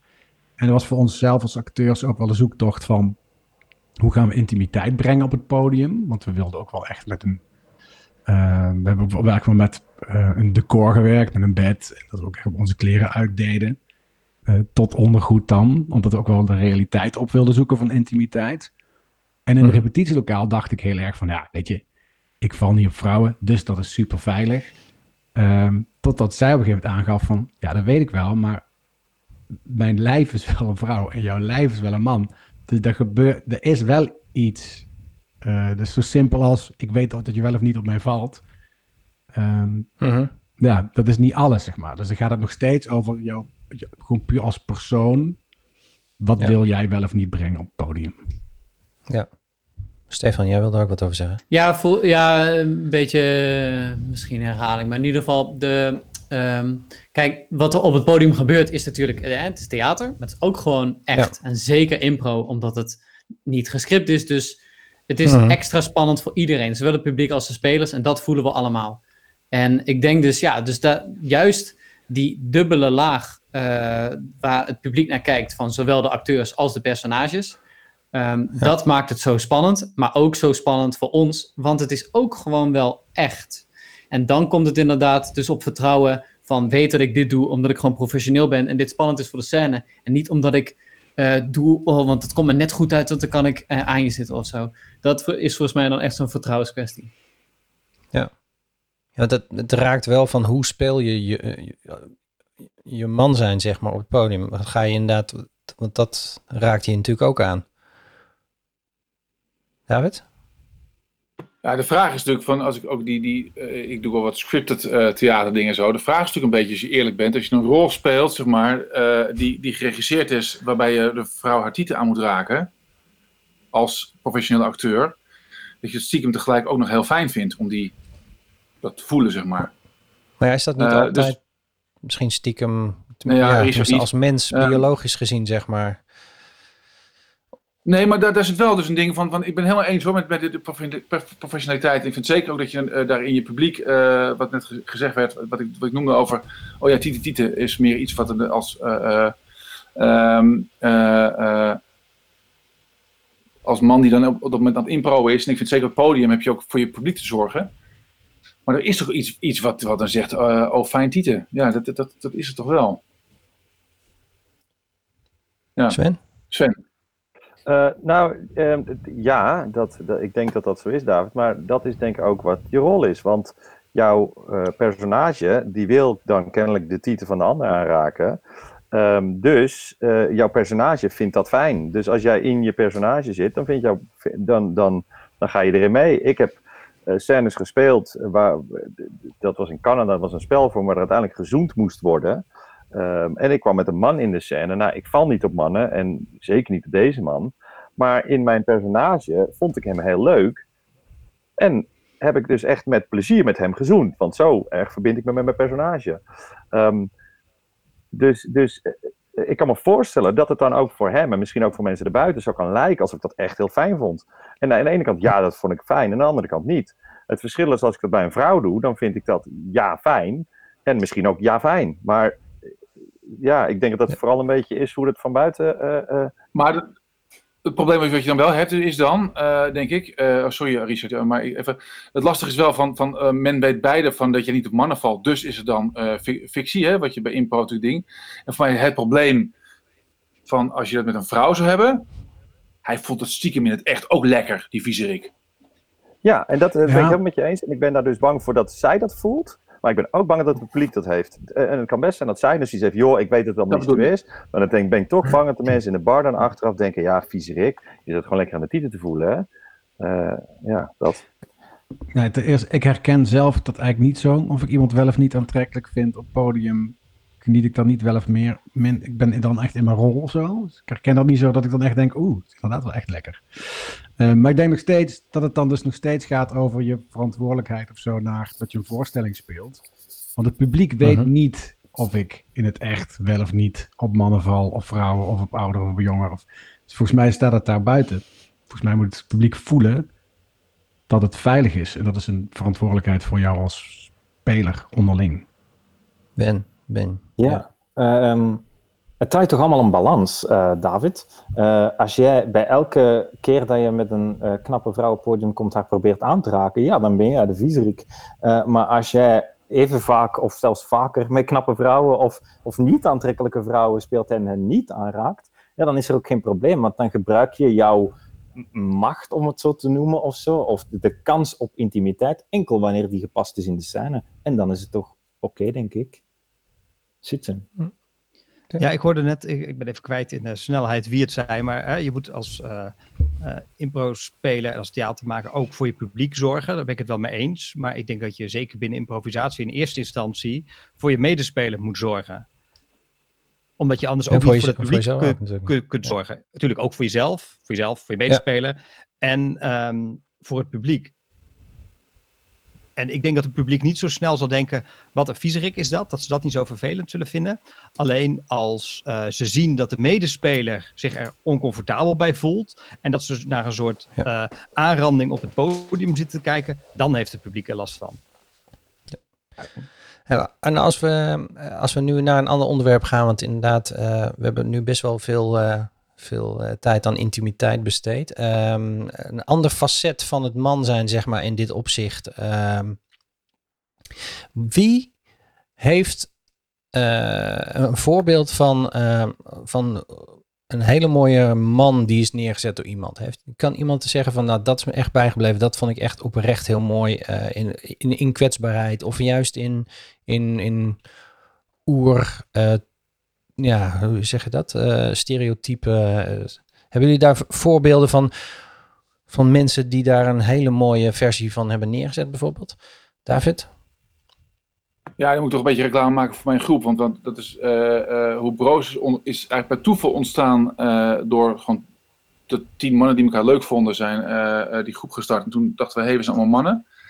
En toen zijn we dus -hmm. gekeken van, wat, wat, kunnen we doen? En toen werd het dus die, die, die Sensitive Man. En ik heb echt ik zie daar echt mooie mannen langskomen die vaak zichzelf staande houden. En, uh, maar ondertussen uh, uh, eigenlijk gebroken zijn ondertussen. Dat, vind ik juist die laag die ik zo heel mooi vind. En op een of andere manier, ik, ik, ik realiseer me nu dat dat, dat, erg koppel aan mannen. Terwijl vrouwen dat ook kunnen zijn natuurlijk. Op een of andere manier koppel ik dat wat meer aan man zijn. Van, je bent eigenlijk kapot, maar je laat het niet merken. Dat is een beetje, als, als al die mooie mannen die bij broodvoorstellingen zie toch vaak die mannen die, die, die, die, die heus niet geraakt zijn. En heus niet kapot, maar, maar van binnen helemaal. Daar zit, zit een soort discrepantie in van buiten en binnen. Stefan? Ik ben het uh, daar helemaal mee eens dat dat echt uh, veel mm -hmm. interessanter is uh, om te kijken naar die dualiteit of zo. Maar ik vind dat eigenlijk bij alle personages, wat je ook speelt. Mm -hmm. Het is gewoon goed als er ergens een tegenkracht zit. Of dat je heel erg op een bepaalde manier voordoet Uh, maar dat dan ook eigenlijk een andere kant die je niet durft te laten zien of niet zo mooi vindt aan jezelf of wat dan ook. Dus volgens mij, want dat vond ik ook goed dat dat, uh, hoe dat bij de vrouwenpodcast uh, langskwam, dat dingen waar mannen of vrouwen naar neigen om te spelen, dat dat um, soort van dat we heel erg kunnen leren van elkaar. Maar ik dacht eigenlijk, het komt er eigenlijk op neer, wees een betere impro-speler. Dat, dat dacht ik de hele tijd. En dat, ja. Ah, heeft er met meer, uh, meer dimensionaliteit te maken. Dus dat je minder in eendimensionaal moet spelen. Dus. Wel denk ik in je personages. Van uh, hoe geef je je personage mm-hmm. weer. Zorg dat er meer diepgang in zit uh, dan, dan nou, de stereotyperingen. maar mm-hmm. ook dus hoe je als acteur de keuzes die je maakt de stijl. Misschien ben je diegene die altijd gewoon heel enthousiast en overweldigend bent en uh, weinig contact met, met de ander. Of ben je juist veel te timide en zo. Dus ik denk dat we beide partijen heel erg van elkaar kunnen leren. Maar volgens mij is, is het dus altijd, wees een betere impro-speler. Hm. Ja, ja, dat is altijd een goed idee ja. natuurlijk. Ja, ja. ja, terecht, terecht punt. Ja. Uh, even kijken. Richard, jij stak je hand op. Ja, ik, um, ja, daar aanhakend ga ik compliment geven mhm. aan degene die net aan het woord was. aan Stefan. Ik vind eigenlijk mhm. dat hij bijvoorbeeld supergoed vrouwen neerzet op het podium. Als hij een ah, vrouw speelt, vind ik dat, en, ben ik echt jaloers op. Ik neig, en waar zit het ik neig in? zelf naar best wel naar stereotyp dan. Uh Ja, gewoon heel ja, geloofwaardige vrouwen. Kun je duiden wat hij dan precies goed doet? Ja, dan moet je gaan kijken naar. Uh... ja, nee. Um, wat doet hij dan goed? Ja, niet overdreven en meerdere kanten laten zien. Dus niet alleen ja, wat hij net aangeeft van fysiek of met uh, sierlijk en met de stem wat hoger. En um, maar ook daar wat, ja, dat een beetje gedowntoned, zeg maar, dat het gewoon een realistisch karakter is. Maar hij, hij brengt eigenlijk, wat hij, wat hij net zegt, hij brengt het, hetgene ja, wat hij, acteert wat eigenlijk gewoon he, goed. He practice what, what ja, he preaches, zeg maar. Dus hij, doet precies de, ja, ja, ja, David? Nou, ik heb, ik heb uh, vorig jaar een workshop van Betsy Green uh, gevolgd. Uh, en dit ging over crossing gender. En het grappige was inderdaad dat, je het, dat het mannen en vrouwen veel meer op elkaar lijken. Um, dan je denkt, zeg maar. Dus, dus, dus, dus inderdaad, als je een heel overdreven een vrouw speelt, dan word je veel eerder een soort, ja, te groot karakter of zo. Terwijl er zitten een aantal fysieke uh, kenmerken die we mannen, bij mannen hangt er iets tussen de benen en bij vrouwen zit er iets tussen hier, zeg maar, waardoor door, is fysiek gewoon een andere mm -hmm. uh, beperking. En het was heel interessant om gewoon eens te kijken van wat, wat, wat zit daar nou? Die, die, die lijven werken gewoon net even wat anders, maar niet superveel anders. Het is gewoon een klein Zijn er, Ik ben, schiet me in één keer te binnen. Is, is er iemand die bijvoorbeeld daar serieus uh, les in geeft van hoe jij als man uh, geloofwaardig een vrouw neer kunt zetten, bijvoorbeeld. Echt. En, en, en andersom. Dus dat er gewoon zonder, zonder in die stereotypes te vallen. Of, of, of begin je dan inderdaad mm. met die basis wat Stefan zegt. Je moet, gewoon, je moet gewoon een goede... Ja, ja, ik denk, je kan niet echt lesgeven in speel een goede man of vrouw, lijkt mij. Jawel. Dat lijkt mij meer. Ja. Natuurlijk wel. Ja, in stereotyperingen wel, maar voor de rest niet echt per se. Nee, nee, nee. nee, nee, nee Nee, nou ja, vind ik dan, laat ik het zo zeggen. Dan, ja, dat is dus nee, okay. ja. Ja. Maar ik vind het wel een goed idee. Ik heb een keer in een weekend in, uh, uh, was, ik de, was met dat duo waar ik net over had, uh, waar we onze intimiteit, de seks-seks voorstelling, noemen we het altijd, mee hadden. -huh. Waren we te gast in Duitsland bij een groep en toen hebben we het hele weekend met die mensen samen hier opgetraind. Omdat we allemaal dus inderdaad als leerdoel hadden, hoe speel je nou een man als man of een vrouw als vrouw of andersom maar dan geloofwaardig. Dat hebben we echt elkaar nagespeeld, ook in beweging en gekeken naar hoe praat je en waar praat je over ook. Ook inhoudelijk. En dat was best wel leerzaam. Dat er best wel wel verschillen waren, maar het was maar heel subtiel. Dat je dus uit moet kijken jullie... voor stereotypen. Maar het is wel heel interessant om te doen, ja. ja. En, en, moeilijk. Ja. Weten jullie wie trouwens echt een hele mooie vrouw is? Ben van Bokhoven. Die heb ik een keer uh, op het oh, podium ja. gezien, een absurderen voorstelling als, uh, als vrouw. En het was echt mhm. een hele aantrekkelijke vrouw. En uh, het is ook een hele goede theaterdocent, dus misschien kan hij de ander ook wel leren. Oké, okay. een goede tip. een andere Ben? Ja? ja, ik wil op het punt van Sander wel doorgaan. Um, want ik denk dat ik het sentiment langs beide kanten begrijp. Van je kan er les over geven en daarin steun ik de, de, de anderen. Um, maar ik denk dat het punt van Sander dat hij wilde maken is Uh, je hebt gewoon heel uh, mannelijke vrouwen, vrouwelijke mannen, uh, vrouwelijke vrouwen, mannelijke mannen. I mijn karakter, mijn stem zou gewoon ook een vrouw kunnen zijn. Waarom zou ik ongeloofwaardig zijn? Er, is een vrouw, er zijn sowieso vrouwen die motorfietsen mm -hmm. fantastisch vinden. Er zijn sowieso mannen die, die graag een roze handtas hebben. Um, ja, dus, ja dat, dat, bedoelde ik en, inderdaad. En die diversiteit. Um, en, en dan gaat het over ja, niet in stereotypen denken. Maar ik denk wel dat je les kan geven, uh, want. Um, en dit is trouwens een punt dat bij de Vrouwenpodcast ook aankwam, waar, waar dat, um, mensen voelden zich aangesproken omdat er iets te veel over mannen en vrouwen werd gesproken en niet over mannen doen vaak dit of vrouwen doen ja. vaak dit. Het gaat over mm -hmm. veralgemeningen die gebaseerd zijn op wel dingen die echt bestaan in de maatschappij vrouwen ja. vinden vaker roos een mooie kleur dan mannen dat vinden, misschien. Uh, maar mm. mogen het nooit um, naar een heel geslacht trekken. Um, maar je kan wel veel bijleren over gender en, en over. Uh, um, je moet ook de stereotyperingen kennen om er dan mooi mee te kunnen omspringen en ze ook niet te kunnen gebruiken. Ja. Ja, het, leuke, het leuke was bij dus die, die workshop die je net beschreef van Betsy Green, wat wij moesten doen, we waren 50-50, dus mannen en vrouwen. We moesten gewoon heel erg naar elkaar kijken. En wat, wat je op een gegeven moment ziet, is dat die lijven zitten gewoon anders in elkaar. Dus een vrouw loopt gewoon anders. Want bij een man zit er een piemel tussen en bij een vrouw zitten er borsten voor, weet je wel. Dus dat, dat, dat, dat zit gewoon anders, zit fysiek gewoon iets anders in elkaar. En het grappige, als je dat alleen al ziet, uh, daar had je heel veel dingen al gecoverd, zeg maar. En natuurlijk heb je uh, grotere en kleinere verschillen. Ik vond het zo leuk juist dat die verschillen ook daar zo uh, er gewoon heel mooi konden zijn, zonder dat ze stereotypisch werden. Dat vond ik eigenlijk het, uh, het grappige. En, en, en als, we, als we nou bijvoorbeeld... Ja, Mark, jij eerst. Nou, er wordt nu ook een stereotypes aangehaald. En ik heb toevallig mm. onlangs met Richard daar uh, het uitvoerig over gehad. En ook een stukje uh, les in gegeven online. Um, Richard, kun jij misschien iets toelichten over dat onderzoek waar wij op stuiten? Wat eigenlijk heel erg onderstreepte hoe wij daar naar keken. Oh ja. Ja, um, het ging over stereotypering inderdaad op het podium. Als je een suggestie krijgt, speel een vrouw, speel een homo. Uh, dan, ja, dan kun je inderdaad, zoals Ben zegt, gewoon je eigen stem houden en je eigen ding natuurlijk.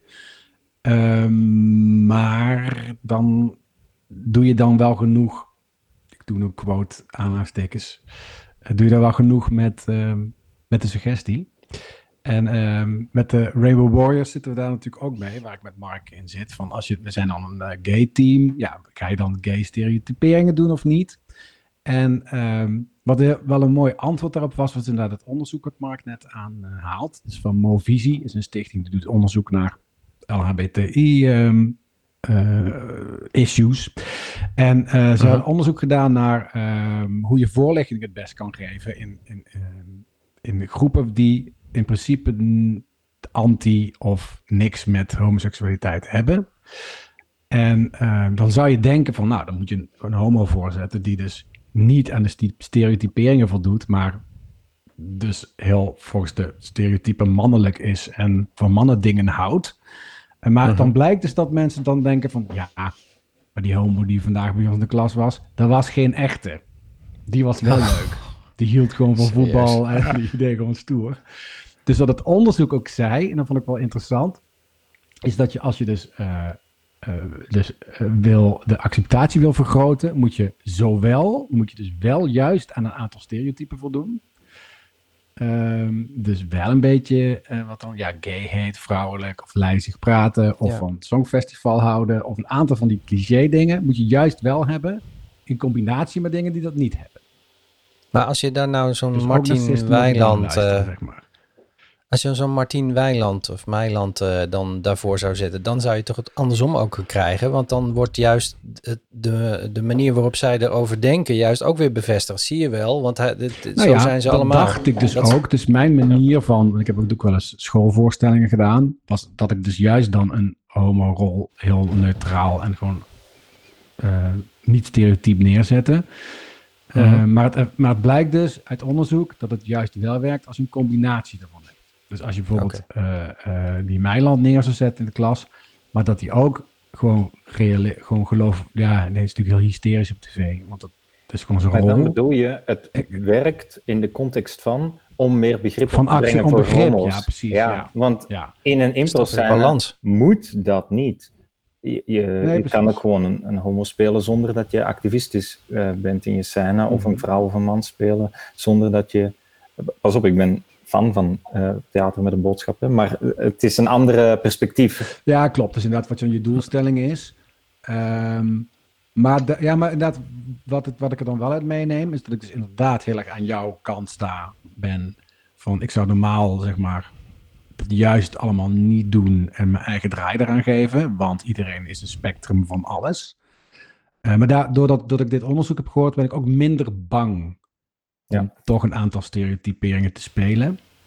En Eh. omdat jullie voorstelling er net wel over gaat ook. Ja, maar dan vind ik nog steeds, vond ik het dus heel lastig van, ja, ik zit dan in een homogroep, moet ik dan ineens gay gaan doen omdat mensen dat dan willen zien?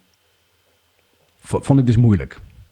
Nee, ik haal het ook aan omdat met- je het Ja, Oh, ik haal het aan omdat je het volgens mij mogelijk ook op dit onderwerp kunt leggen. Dus als je als man-vrouw moet spelen of vrouw-man, Ja. dat het mogelijk niet erg is om iets stereotypischer tegenaan te gooien. Als je het combineert met bijvoorbeeld een ander aspect. Dus ik denk dat dat wel eh, interessant kan zijn als je daarmee speelt. Maar als ik dus eh, luister, zeggen jullie eigenlijk vooral alleen ga kijken naar wat het fysiek anders is, maar niet qua je spel, zeg maar. Alleen als eh, hoe zet je je personage fysiek neer? Hoog stemmetje, wat verhouding? Nee, voor toch mij gaat dat- interesses, Ik heb zijn, niemand- interesses, of dat een vrouw bijvoorbeeld gevoelig zou zijn, gevoeliger dan een man, daar kun je natuurlijk mee spelen. Maar je hebt natuurlijk meerdere, meerdere kanten, net zowel het fysieke als je beleving, als of wat je rol in het verhaal. Daar hebben we het ook nog niet echt over gehad. En wat tegenwoordig ook wel steeds meer in films en tv ehm, gemixter is. Dat een vrouw ook de held is. En eh, de hoofdrol Ja. kan hebben in het verhaal. We het zeg daar maar. niet eh, over Ja. De ja, dat is een inhoud. goeie- van goed bruggetje, hè? Goed Ja. bruggetje. Ja, de inhoud, ja. Ja. ja. Zeker. Ja, want, want is dat nog te veel eh eh, stereotyp in die zin van dat de man altijd de held is in, eh, in, in pro-games? Nou, altijd de held weet ik niet, maar ik zie wel dat er een hele hoop ehm, stereotyperingen onbewust insluipen. Ik had afgelopen eh, Mhm. jaar daar een voorbeeld van in een, eh, in een les die ik aan het geven was, waarbij eh, een man een vrouw in de scène eh, aansprak met en dat u er bent. En twee zinnen later was het bedankt hè zuster, dag, om maar wat te noemen. En Ja, dat was niet omdat dat, dat zo'n en dat was niet omdat dat zo'n onaardige eh vrouwonvriendelijke kerel was, helemaal niet zelfs.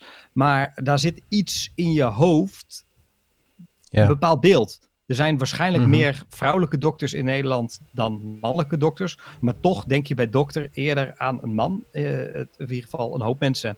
En dat soort onbewuste dingen komen dan in, de, in, de, ja, in die split second dat je die zin produceert in een scène toch naar Komt boven. er naar boven. Ja. Ja, en ik vind dat we Mark? daar als docenten in ieder geval eh, eh, verantwoordelijkheid hebben om Een mensen rol in bewust van te om dat- maken. ja, heel goed. Ja. Mark? Ja, dat, eh, daar ben ik helemaal met Sietse eens. Ik was op Impro Amsterdam, als we toch eh, allemaal anekdotes van Impro Amsterdam eh, aanhalen. Ik heb trouwens begrepen dat dat het grootste Ja, improfestival het grootste improfestival van heel Europa. Heel Europa. Europa, Ik denk ja. misschien zelfs wereld, maar ze zijn wat bescheiden. Ja, maar het is ook heel belangrijk dat wie de grootste heeft. Ja. Precies. Ehm, Heel er was zo'n festival. zo'n- zo'n oefening dat je per persoon een zin in, in het verhaal eh, brengt. En degene voor mij die had het inderdaad over een dokter. En ik maakte vervolgens het verhaal af en maakte de dokter een vrouwspersoon. En na afloop kwam diegene, eh, of misschien zelfs iemand anders uit de workshop naar mij toe om te zeggen van, oh ik vond het zo fijn dat je dat deed. En aan de ene kant vond ik dat dan fijn dat ik nou, haar heb kunnen helpen of daar iets aan kunnen betekenen. Aan de andere kant dacht ik, dit moet dus eigenlijk niet zo zijn dat het iets bijzonders is waardoor zij naar mij toe moet komen. Dus ehm, ja, ik denk dat alertheid en helemaal vanuit docentschap, volgens mij zijn we hier ook allemaal eh, mensen die groepen lesgeven, is dat wel heel goed om op te letten. Maar is dat dan dus gewoon meer een, eh, ook een, eh ja, inderdaad die taak? Om, om dus meer andere voorbeelden te geven, zodat het ook in Nou. je hoofd komt dat je niet alleen maar dezelfde voorbeelden krijgt. Want Ja, ik zou wat zeggen, je, maak, wat maak je, mensen er, maak mensen er bewust van. Ehm, en het zijn niet Ja. altijd die mannen die die vrouwen in een hokje stoppen. Ik heb ook een keer bij een groep waar ik les eh, gaf eh, gezien dat drie vrouwen de suggestie kregen, iets van een ruimtestation. En het was gewichtloosheid. hey Henk, geef me de moersleutel aan. Van Oh ja. waarom is dit ineens een Henk? Ehm, Mhm. Ja, maar dus gewoon zit puur door die zo in de vraag te stellen. Ja, precies. En Ja. films En die ik heb ze de scène opnieuw laten doen. En toen waren het gewoon drie vrouwen in de ruimte. En dat is ook gelijk veel interessanter. Ja, Ja, ik, het ik zit denk ook heel erg ook in, in, in, gewoon in, in de taal, bijvoorbeeld, waar ik bijvoorbeeld al op let. Een, een woord als mankracht, of eh vermanje, of eh, hallo jongens, als er ook vrouwen in de groep zijn. Het zijn van die kleine dingetjes waar je gewoon op kan letten. Maar is het ook, ook... Ja, sorry Sven, ga jij maar. Nou, wa- wat, wat, wat, eh, ik herken trouwens wat Sietse zegt. Eh, twee advocaten, vrouwen gaan het spelen en ze spreken elkaar aan met mannennamen, wat, wat heel raar is. Ehm, maar ik heb ook het idee dat het soms een beetje te maken heeft met, ehm, eh, eh, eh, hoe zou ik dat zeggen? Ehm, mensen met een hoge status, ehm, dat, dat wordt van oudsher meer als, als man gedacht dan als vrouw. Eh, dus als vrouw een hoge status gaan spelen, dan gaan ze ook, ook een, een man zijn. Mannelijke... Eh, oh, ja. Ja, en ook andersom. Dus als je bijvoorbeeld vraagt, hè, van, daar ging het vorige keer bij de vrouwen over, van hé, hey, eh, ik heb twee mensen nodig, dan springen de mannen op. Die zijn heel, nemen heel snel die, die eerste stap. Ehm, Mhm. en en als, als vrouwen dus op de een of andere manier die, die, eh, die hoge status gaan pakken, dan hebben ze de neiging om dat vanuit een, een mannen eh, eh, rol te doen, heb ik het gevoel. Terwijl ik denk van ja, ik, ik zou het heel tof vinden om, om twee hoge status advocaten te zien die vrouw zijn. Ehm, eh, Ja. Ik ook, En- maar ik zou het ook heel tof vinden om twee hele onzekere advocaten te zien. Als dat is Ja. wat zij voelen in die rol, laat dat maar zien. Ja. Dat is toch interessant? Dat is ook heel of- interessant. Of, en dan of, zou of ik een arts juist... die, die eigenlijk eh, een heel moeilijk gesprek moet voeren met een patiënt, maar zelf de hele tijd denkt, ik weet eigenlijk helemaal niet waar ik het over heb. Misschien zit ik er wel naast. Dat, Ja, kan, dat en kan ook. die zou ik dan juist ook weer gespeeld willen zien door mannen. Want Ja. als mannen die rol pakken, dan gaan ze hem juist ook weer vaak zo spelen. Van, nou, ik, ik weet het wel, mevrouwtje, weet Ja. je wel zo. Ehm, en Hmm. ik dat maar ik wou het maar zeggen, het is er ook die kracht van die vrouw, om dat vanuit de vrouwelijkheid te doen. Voelen zij zich daar in een hoge status lekker? Pak die, speel die, laat dat zien. Voelen ze dat niet helemaal? Denken ze van ja, ik ben eigenlijk een heel, blijk ineens een heel on- onzeker personage te zijn. Speel dat dan. eh, eh, de inhoud van de scène wordt er ook interessanter van als je de allereerste stereotypische impuls soms loslaat en even ja, en, en, ik, terug doet. En ik denk dat, dat wij als docenten ook kunnen zorgen dat we vrouwen empoweren om, en mannen trouwens ook, om die anderen te spelen. Dus vrouwen ook om te zeggen, want je ziet toch vaak als er een scène is met mannen en vrouwen samen, gaat de man de hoge status nemen en de vrouw de lage status. En dat vind ik zonde. Ja. Eh, ik vind het veel interessanter om het eens om te draaien. Eh, zonder dat het meteen dan bitchy hoge status wordt of zo. Want dat is dan weer, hè, de, op basis, oh, dat wordt meteen bitchy genoemd.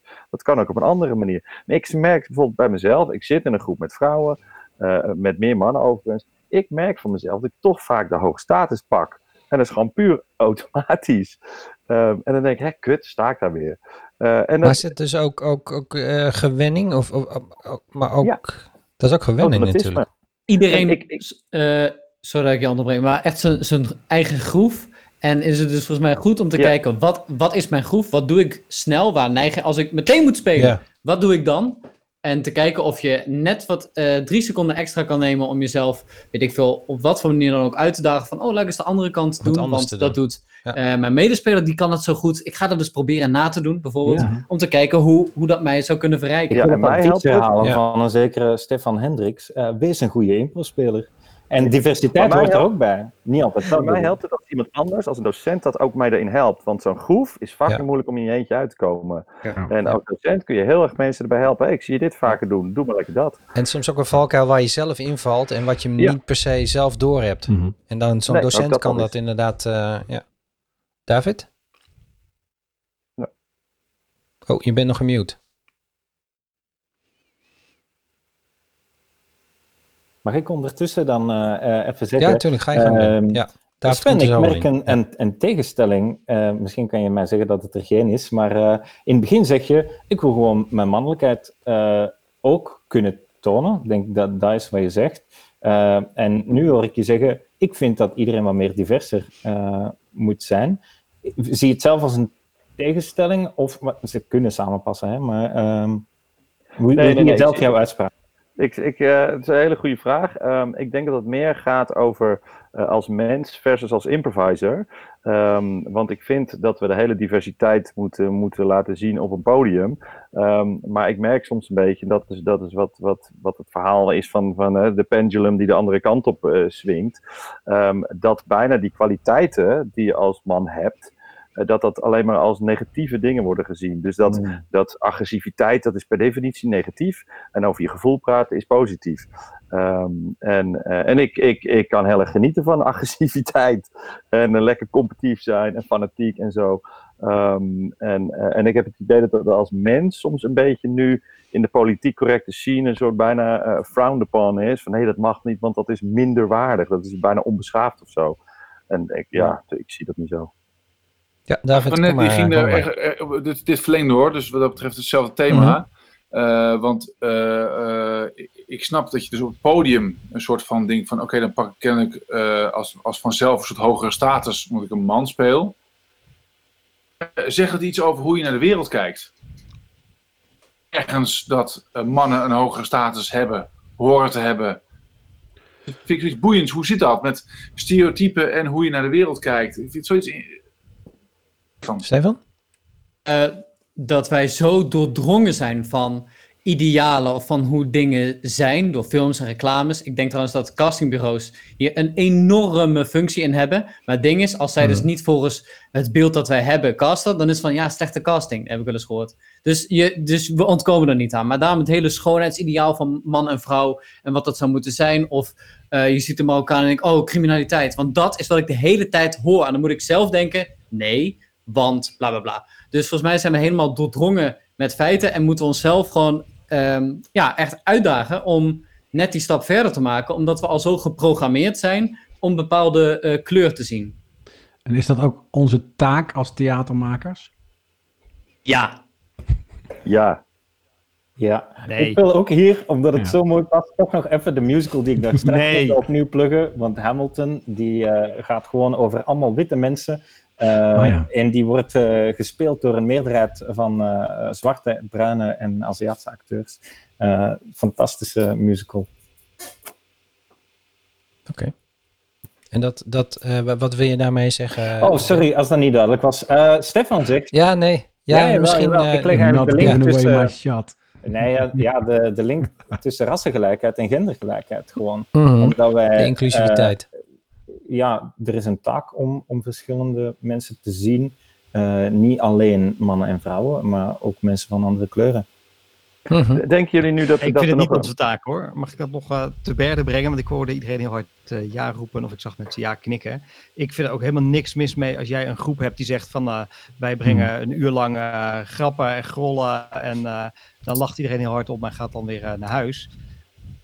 Doen. Het is mooi als er naast ook nog andere dingen zijn en theater met een, met een boodschap is of dat maatschappelijk iets teweeg wil mm. brengen. Maar ik ben er absoluut op tegen uh, als er nu gesuggereerd wordt dat dat, dat dat moet, dat dat de bedoeling is, dat je anders geen bestaansrecht hebt. Ik wil er kort even op reageren, want uh, uh, wij met Broos hebben dus vaak van die sensitive men, heb ik al lang gezegd. En toch valt mij op dat heel vaak vrouwen er een hele lieve voorstelling vinden zo grappig in die hemden zien staan en dan zo kwetsbaar zien spelen. Dus een soort grappige aardbaarheid die er is omdat het mannen zijn. Het doet iets, iets grappigs met van, um, omdat, omdat we mannen zijn. Hmm. Uh, maar we, hoe reageren de mannen dan? Want uh, de, de, vrouwen reageren. Nou, die zijn wat met de vrouwen de mannen mee, dan hier? Dus die, die, ja, ik hoor, ik hoor vaker vrouwen over onze voorstelling dat die het leuk vinden dan mannen eigenlijk, realiseer ik me nu, nu die deze vraag stelt. Nou, ik vind jullie voorstelling, David, ik vind jullie voorstelling heel leuk, maar ik vind nog steeds, dat heb ik al vaker gezegd, ik zie dat sensitive zie ik niet altijd terug. Uh, ik, ik, ik gewoon houden dit. Uh, ja, sorry. Nee, wat ik zie is gewoon gasten die een superleuke energy hebben samen. En daar hele mooie dingen doen. En heel grappig en heel erg. Um, uh, ja. Maar, maar dat sensitive, ja, dat zie ik niet altijd. Maar dat hoeft voor mij ook niet. Want, want ik denk, daar ben ik het mee eens met wat Sietse zegt. Joh, als jullie dat doen en daar is het bestaansrecht voor, joh, doe dat lekker. Uh, maar ik ben het ook met Ben eens dat, dat theater wel de kans heeft om dat te doen. En, en, en ik vind het wel gaaf om, om ook die kans te nemen en te zeggen: hé, hey, laten we dan ook zien dat dat, er, dat dat mogelijk is voor mensen. En, maar in Nederland denk ik dat, dat vrouwen en mannen best wel een gelijke kans hebben binnen, binnen in ieder geval impro-theater. Ehm, en ik denk dat het qua diversiteit dat het iets anders is. Want ik denk dat als we gaan kijken hoe vaak zie ik uh, mensen uh, met een migrantenachtergrond of een lagere opleiding op een podium binnen impro, denk ik, poeh, dat is heel weinig. Het zijn allemaal, bijna allemaal hoogopgeleide blanken. Of het nou mannen of vrouwen zijn. True. Dat is, uh, dat is zeker zo, ja. ja. Maar hoe, kun je, hoe kun je dat voor, doorbreken? Impro battle. Ja, bijvoorbeeld. Marijn is Impro Battle begonnen, precies hierom. Um, uh, maar het grappige is, en dat is het lastige, je moet die mensen aan de ene kant een podium geven. Um, uh, mensen die je nu niet zo vaak ziet, zodat mensen die kijken denken, hé, hey, daar kan ik ook staan. Even voor de luisteraars die ja. Impro Battle niet kennen. Ja, ja, ja, wat is Impro Battle? Ja, is goed. Ja, Marijn Vissers die heeft het, is het ooit begonnen precies vanwege het idee van... hé, hey, het zijn vooral hoogopgeleide blanken, briljante uh, docent overigens, een heel leuke man. Ja. Um, en, en hij heeft gewoon gezegd, nou, ik ga andere mensen... Dus er zitten mensen met, met verschillende migrantenachtergronden... iemand met Down-syndroom, ADHD, zorgachtergrond... Uh, uh, mensen uit jeugdgevangenis, van alles door elkaar. En die doen ook um, voorstellingen. En die hebben dus ook een hele andere kwaliteit... Um, dan wat je, wat je meestal in het reguliere impro-theater ziet. Maar dat is tegelijkertijd een risico. Want als jij dus gaat zeggen, oké, we moeten bijvoorbeeld meer, uh, weet ik veel, Marokkaanse improvisers hebben. En je gaat die ertussen zetten, maar de voorstelling is niet goed. Dan laat je dus eigenlijk zien, oké, je kan het wel doen, maar het is wel crap. Nou, dat wil je volgens mij niet laten zien. Dus het moet altijd een bepaalde kwaliteit hebben. Um, ben, wat wil je daarover zeggen? Ja, als Richard vraagt uh, hoe brengen we die mensen op een podium, dan denk ik, je begint van bij het begin. En dan begin je met lessen te geven. En dan begin je met, met... Je kan niet nu ineens zeggen, uh, ik wil een zwarte improvisator in mijn groep. Want die, er zijn er misschien wel een handvol, maar er zijn er gewoon super weinig. Uh, en, en je moet die gewoon als... Ik denk dat de impro-scholen een grote verantwoordelijkheid hebben, als we dat als doel zien. En ik denk dat dat wel interessant is, omdat je een, wederom meer diversiteit krijgt, een andere blik op theater, andere soorten scènes die je kan opzetten, want die mensen hebben een andere achtergrond, brengen een andere blik. Uh, dat, dat zou echt een verrijking zijn. Uh, en ik denk dat, impro, dat het aan impro-scholen is om daar ja. uh, outreach te gaan doen, om een breder publiek te bereiken van bij het begin. Ik denk dat daar zelfs uh, in de toekomst wel een uitzending in zit om überhaupt over uh, educatie in impro ook bijvoorbeeld meer op lagere scholen of, of uh, überhaupt op meerdere plekken. dus ik denk dat we daar heel ver, ja, we, we, gaan nu inderdaad een andere kant op. Um, maar weer terug naar de, naar de mannen. Um, ja, nou, mag ik daar dan in dat geval... Oh, sorry Sander, ga je gang. Nee, nee, ja, ja? ik... Ik had ja. natuurlijk net dat ik, uh, wat ik zei van ja, ik vind het, het is best wel moeilijk om te zeggen zo speel je man, zo speel je een vrouw. Hmm. Afgezien van het fysieke, nou dat werd er nou allemaal genoemd. Um, ja, ik blijf toch wel een beetje, ja, blijkbaar net wat anders dan sommige anderen hier. Zodat ik denk, ja, het maakt toch helemaal geen reet uit of je karakter een man of een vrouw speelt. Ik bedoel, als je samen een relatie hebt, uh, kan een man in dat opzicht toch ook zo reageren, net zoals dat een vrouw zou kunnen reageren. En natuurlijk, de stereotyperingen, ja. die ken ik, die snap ik allemaal. Dat is vooral, denk ik, het theatersportgedeelte. Maar als jij een drie in de pan gaat spelen, dat je denkt, nou, nu zet ik even mijn stereotypen neer. Maar als je een open impro gaat spelen, dat je wat meer, uh, je, je, ja, even wat meer je gaat verdiepen in. Snap je? Uh, uh, bureaus meegemaakt heb, was op een gegeven moment dat wij twee mannen hadden die aan het spelen waren. Die hadden, die hadden twee uh, multi-interpretabele namen waarvan niemand wist of het nou man of vrouw waren. Uh, ja. Het was een hele mooie scène tussen twee mensen die elkaar lief hadden. Geprobeerd om, om dat nog uh, naar het podium te krijgen, maar toch wilde het publiek toch zien of het man of vrouw waren. Maar toch, die ene repetitie heb ik toch in mijn geheugen gegrift van niemand wist of het nou man of vrouw waren, maar het waren twee mensen die ja. Je dat? Um... En, en, dat is eigenlijk wat ik net ook bedoelde. Van, ja, het is moeilijk om te zeggen, zo speel je man, zo speel je een vrouw. Want hmm, wat ja. mij betreft is dat helemaal niet per se belangrijk in een scène. Nee. Tuurlijk, sommige dingen, als je het stereotyperend wil... Maar hoe leuk is het dan dat je de stereotyperende bazige vrouw speelt, om maar even daar terug te gaan, ja. als man of weet ik veel wat. Ja, dat speel je misschien hetzelfde als een man, dus ja. Ja, dat zijn echte mensen ook. Om even helemaal het voorbeeld van het begin terug te haken van mijn ouders, die zijn ook niet zo goed in het stereotype neerzetten van hun eigen rol. Oh, misschien willen zeggen dat stereotyperend klinkt misschien nu zo negatief, maar ik, ik vind het, als je, als je het, laat zeggen, de transformatie kan maken in je, in je lijf en in je stem, eh, waardoor, en dan kun je het spelen zoals je wil, zo, zo grotesk of zo realistisch als je wil. Ehm, maar ik denk dat, dat het goed is dat, heel uh, positief, als je de keuze hebt om uh, te maken van nu speel ik dit zo op deze manier en daar kies ik bewust voor of zo. Van hè, ja. hoe, hoe bewust dat kan bij impro soms. Ja, je kan ook iemand een spiegel voorhouden door juist dat zo neer te zetten, bij wijze van spreken, inderdaad. En alles heeft een functie. Ja, ziet ze. Ja, ik wilde eigenlijk nog iets um, toevoegen of eigenlijk reageren op wat uh, Sven net zei. Ik ben het helemaal met hem eens dat er uh, andere groepen in de maatschappij zijn die veel minder binnen de improvisatiewereld. Dat is helemaal niet waar, maar mm. dat laat uh, onverlet wat mij betreft dat vrouwen wel degelijk op een achterstand staan. En nog wel degelijk hun plek moeten bevechten. Uh, volgens mij was het Laura die vorige keer uh, aanhaalde dat na weet ik hoeveel jaar eindelijk een keer de vrouwen in de meerderheid waren op Impro Amsterdam. Het grootste improvisatiefestival van Europa. Um, mm-hmm. Hoeveel uh, vrouwen hebben ooit het Nederlands theatersporttoernooi ge- gewonnen? Of überhaupt maar de finale gehaald? keer op keer zijn er voornamelijk mannen te zien. Um, uh-huh. We hebben uh, op, op, op televisie improvisatieshows. Nou, er zit dan misschien nog net eens één vrouw bij. Um, uh, Richard en Stefan en ik hebben dat in diverse rollen uh, meegemaakt toen BNN weer een improv-programma wilde doen. Waarbij uiteindelijk maar één vrouw ertussen zat. En die ook na één seizoen afhaakte. Dus ja. ik denk, ja, er zijn andere groepen die misschien nog veel minder vertegenwoordigd zijn. Maar dat neemt niet weg dat vrouwen wel degelijk voor hun plek moeten vechten. Nou, ik, ik, vraag me dus af, want, want ik, ik herken wat je zegt, want het is inderdaad zo dat bij Impro Amsterdam dus eindelijk de, bij de 25e editie de vrouwen in de meerderheid uh, waren. Um, maar ik vraag me af, is het dan zo dat, er een, dat, er, dat zij uh, minder, minder kansen hebben, de, de vrouwen, om bijvoorbeeld op een bepaald niveau te komen? Of is het minder interesse? Of, of uh, wat is het dan? Want als ik kijk naar de cursus, bijvoorbeeld bij Crea of hè, waar dan ook, ik zie mannen en vrouwen, ik zie uh, ze met vol enthousiasme ingaan. Als je mij vraagt wie de beste improvisers van de wereld zijn, dan zitten er, ik denk dat er meer mannen, vrouwen bij zitten dan mannen. Um, wat, wat, wat is het dan, wat we, wat we nu nog moeten doen om dat te verbeteren?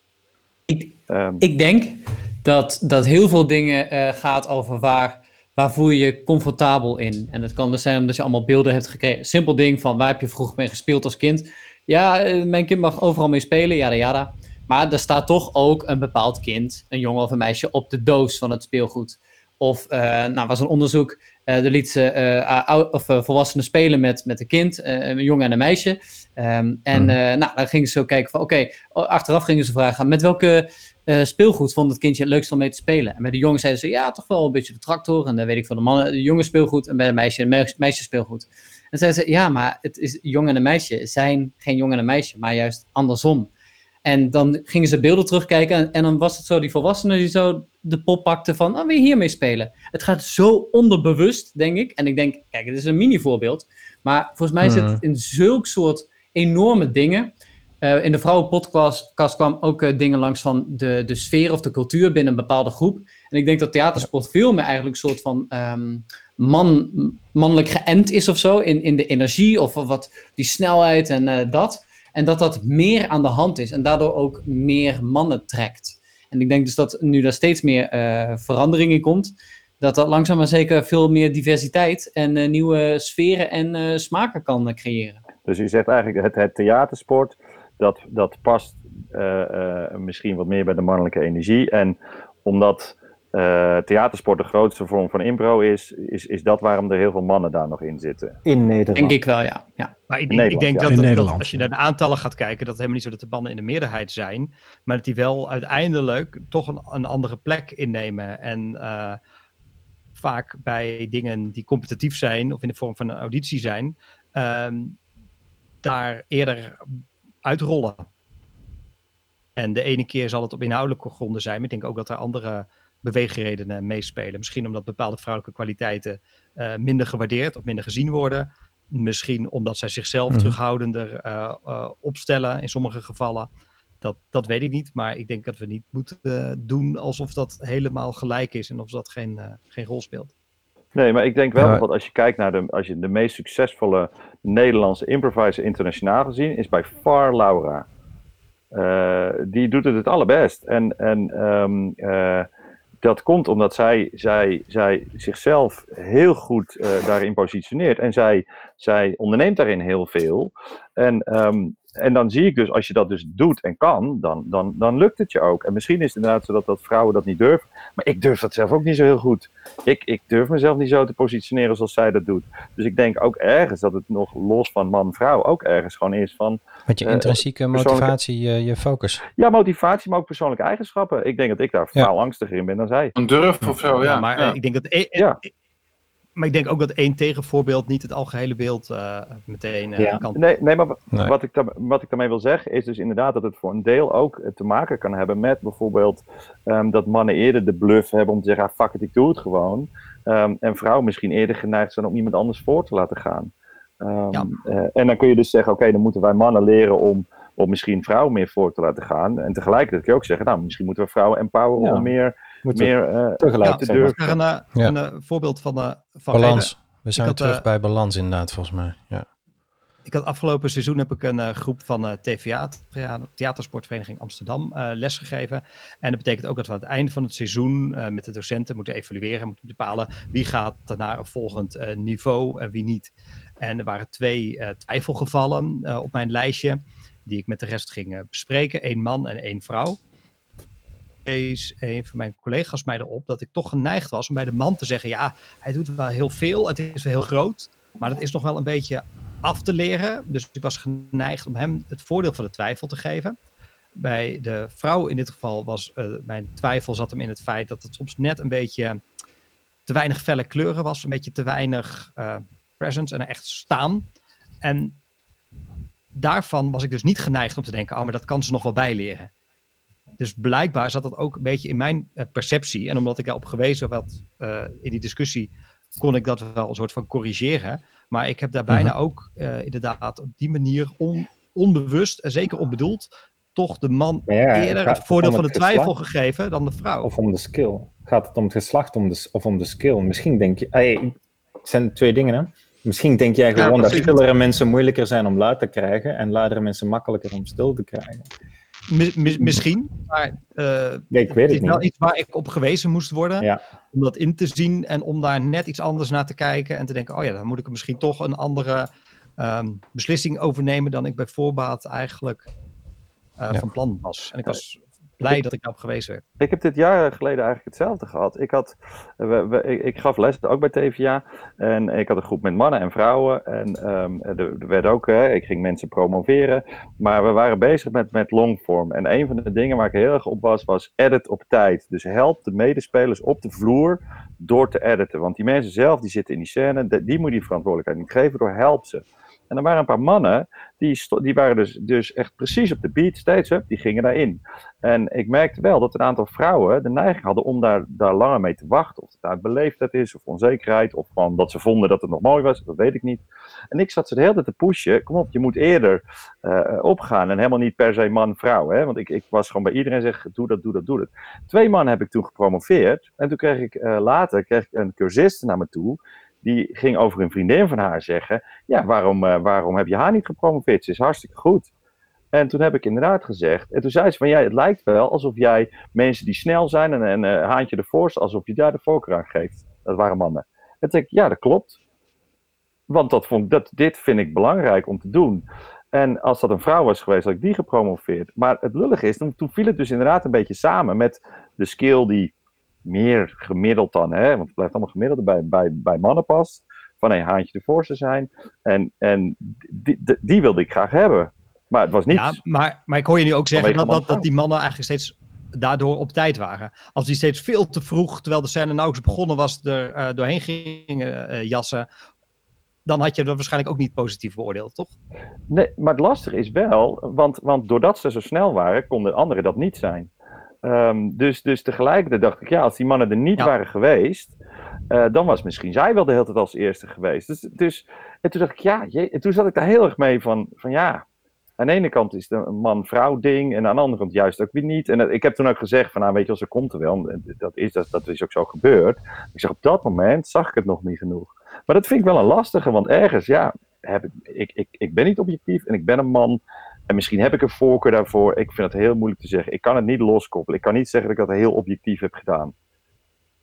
Maar ik weet het niet. Ik heb mijn best mooi, gedaan. mooi is dat je, Maar dat is het- dat dat je er wel. mooi. be- Nee. Mooi is wel dat je er nu bus van bent, zeg maar. Dus dat je er wel. De, de volgende keer. Ga, je neemt dit wel mee. Om de volgende keer erover na te denken. En dan, dan ga je misschien toch met een iets ruimere blik. Kijk je, kijk je ernaar, denk ik.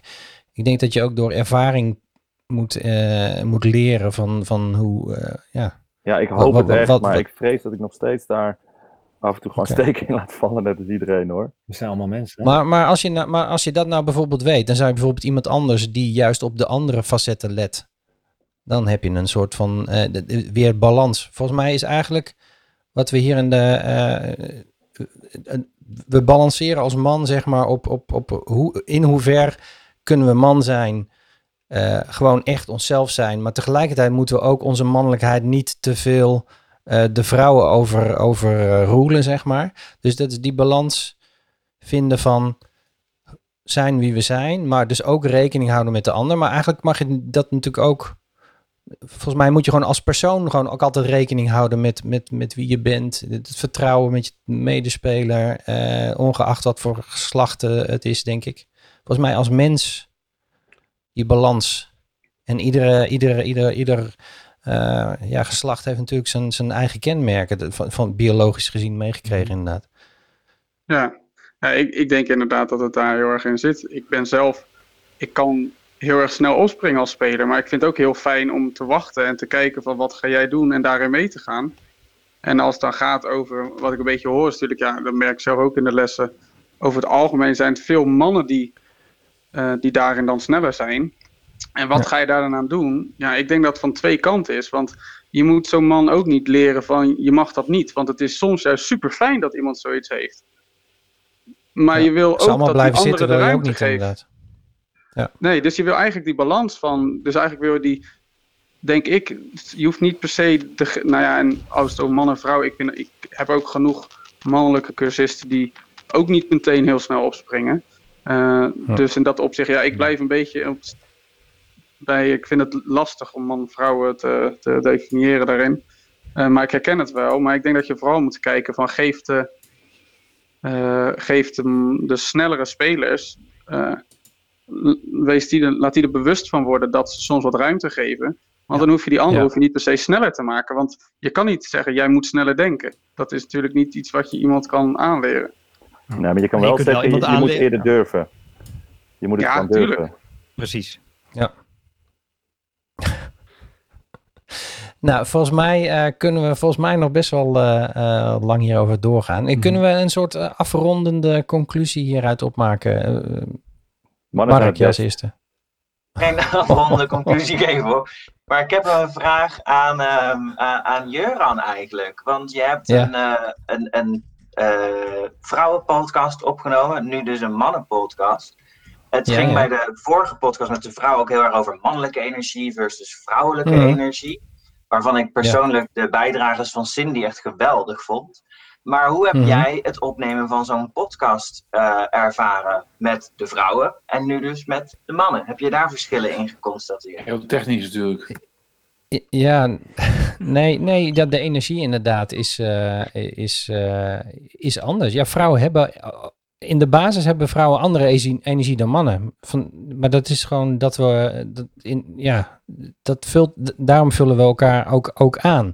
Alleen, eh, we, we zien de verschillen die we soms uitvergroten en, en, en, en het is vooral eh, de, de balansen in elkaar vinden in dingen. En, maar het, aanvullen is er ook. Ik bedoel, eh, juist verschillende eh, kenmerken, die, die, die vullen elkaar aan. Een, vrouwelijke energie tegenover een man. Het- ook die tegenstellingen in een, in een impro-scène, waarbij een mannelijke man en een hele vrouwelijke vrouw. Een, een hele vrouwelijke vrouw kan een hele mannelijke man bijvoorbeeld helemaal omturnen, totdat hij helemaal zacht wordt. Nou, je, snap je? Ehm, ik merkte wel dat jullie meer in de chat zaten te saboteren. Of, of eh, Oh ja. bepaalde dingen aan het doen waren. Dat deden de vrouwen veel minder. Als je het dan over dat soort dingen hebt. En ehm, ja, eh, voor de rest. Nee, sabotage. Het is geen sabotage. Eh, het is gewoon een beetje, ook een beetje kloten natuurlijk. Eh, Dat is ook mannending ook meer, eh, denk ik, dat soort dingen. Eh, vrouwen zijn misschien daar toch wel iets netter in, denk ik. Eh, het is maar goed dat ze het niet kunnen zien. Als het mij opvalt, Ehm, eh Jurgen, is dat je Ja? ehm, bij de vrouwen sterker gemodereerd hebt. Terwijl het daar Ja. waarschijnlijk minder nodig was. Kan, het zijn dat je vaker beurten toegediend hebt daar? Dan, maar misschien hebben die vaker tegelijk handen op gehad, dat weet ik. Misschien vind ik, misschien vind ik het lastiger om. eh, als, ik het, als ik gewoon heel eerlijk ben, Ja. ben ik over het algemeen. Kan ik beter met vrouwen communiceren dan mannen op de een of andere manier. Eh, en dus voel ik het beter aan wanneer ik. ik, ik, ik heb best. Ja, als je het over, je- over, over je vrouwelijke kant hebt. eh, op de een of andere manier ging dat wel makkelijker. Jullie zijn toch wat moeilijker te regisseren. En dat laat al die dingen die ik nu zie. ja. en- dat illustreren dat gewoon voorkomen. Dus, eh, maar dat geeft niet. Maar dat, dat maakt ons ook mannen, snap je? Dat is ook, ook weer een charme. Ja, moet daar heeft ook eh, niet Guus je man ook zijn mooi verliezen. zo'n eh, liedje. Dankjewel, Guus. Ja, we zijn weer terug bij Guus. En we Ik nemen vind een het wel grappig jankbiertje, dat we- toch? Geloof ik? Dat we, Ja. dat we heel, heel, hele mooie discussies hebben gevoerd en zo. En ons echt ingehouden hebben. En in de laatste minuut op de chat alleen maar lomp aan het doen zijn. Omdat het er kennelijk toch uit moest. We Dat moet eruit. We hebben het opgekropt. gedragen twee uur lang en nu even... Wie, Ja, wie maar- leest het voor? Wie leest het voor voor de podcast? Wie, wie zei dat ook? Eh, Was dat niet eh, Hans Theo of zo? Wat er ook weer? Niet opkrappen. Welke was dat ook alweer? Ja, Maar het is ook niet Welke een beetje was dat? zelfspot op die manier. Denk ik ja Denk dat is ook zo. toch? Beetje Ander ja, soort van ironie. humor hebben we- hebben we toch. Ja. Hé, hey, maar ehm, mannen, het is best wel een lange zit geworden. Volgens mij nog niet Nou. in slaap gevallen allemaal. Als mensen nog Eh, luisteren. Maar super, eh, Ja, super zullen we een prijs jullie, eh, uitreiken voor degene die nu nog luistert? Dat we kunnen Die checken of iemand het tot het einde heeft afgespeeld. Nou, het wordt niet live gestreamd, dus, eh, dus niemand kan nu Maar luisteren. een soort Dus, oplossing Als- geven. Als iemand het einde van de podcast heeft gehaald. Ja. Dan moet je het woord... Ja. Ja. ehm, ja, dan we ja, even moet je een, het- een, een woord hierin stoppen. hoe vaak dan moet je- hebben we reclame gemaakt voor het grootste improfestival van Oh. Europa? Van Europa. Ja, de juiste inzender. Ja, en dan kun je een vrijkaartjes voor dat festival. winnen van Sven Hansen. Eén op Ja, één. die wil gewoon aan je zitten. Mail het naar info.svenlansen.eu. hey, bedankt allemaal. En eh, ik hoop dat jullie, eh, ja, ik hoop dat jullie het leuk hebben gevonden. En eh, ja, misschien zien we elkaar eh, als die coronatijd weer een keer eh, voorbij is. Een keer echt op een podium ergens in de buurt of in de zaal. Ja. Eh, Leuk om Dankjewel jullie voor het gesproken te organiseren. Ja, bedankt. bedankt voor voor de bijdrage. Zonder jullie was er geen uitzending. Dus eh, ja, ik, ik zit er ook maar bij als een soort van... eh, Ja. Nee, je moet je in ontvangst nemen, Joran. Oké, Dankjewel voor het sorry. Ja, ik ben slecht in complimenten Yay. ontvangen. Dat moeten we Eh. leren. Dank jullie wel. Ja.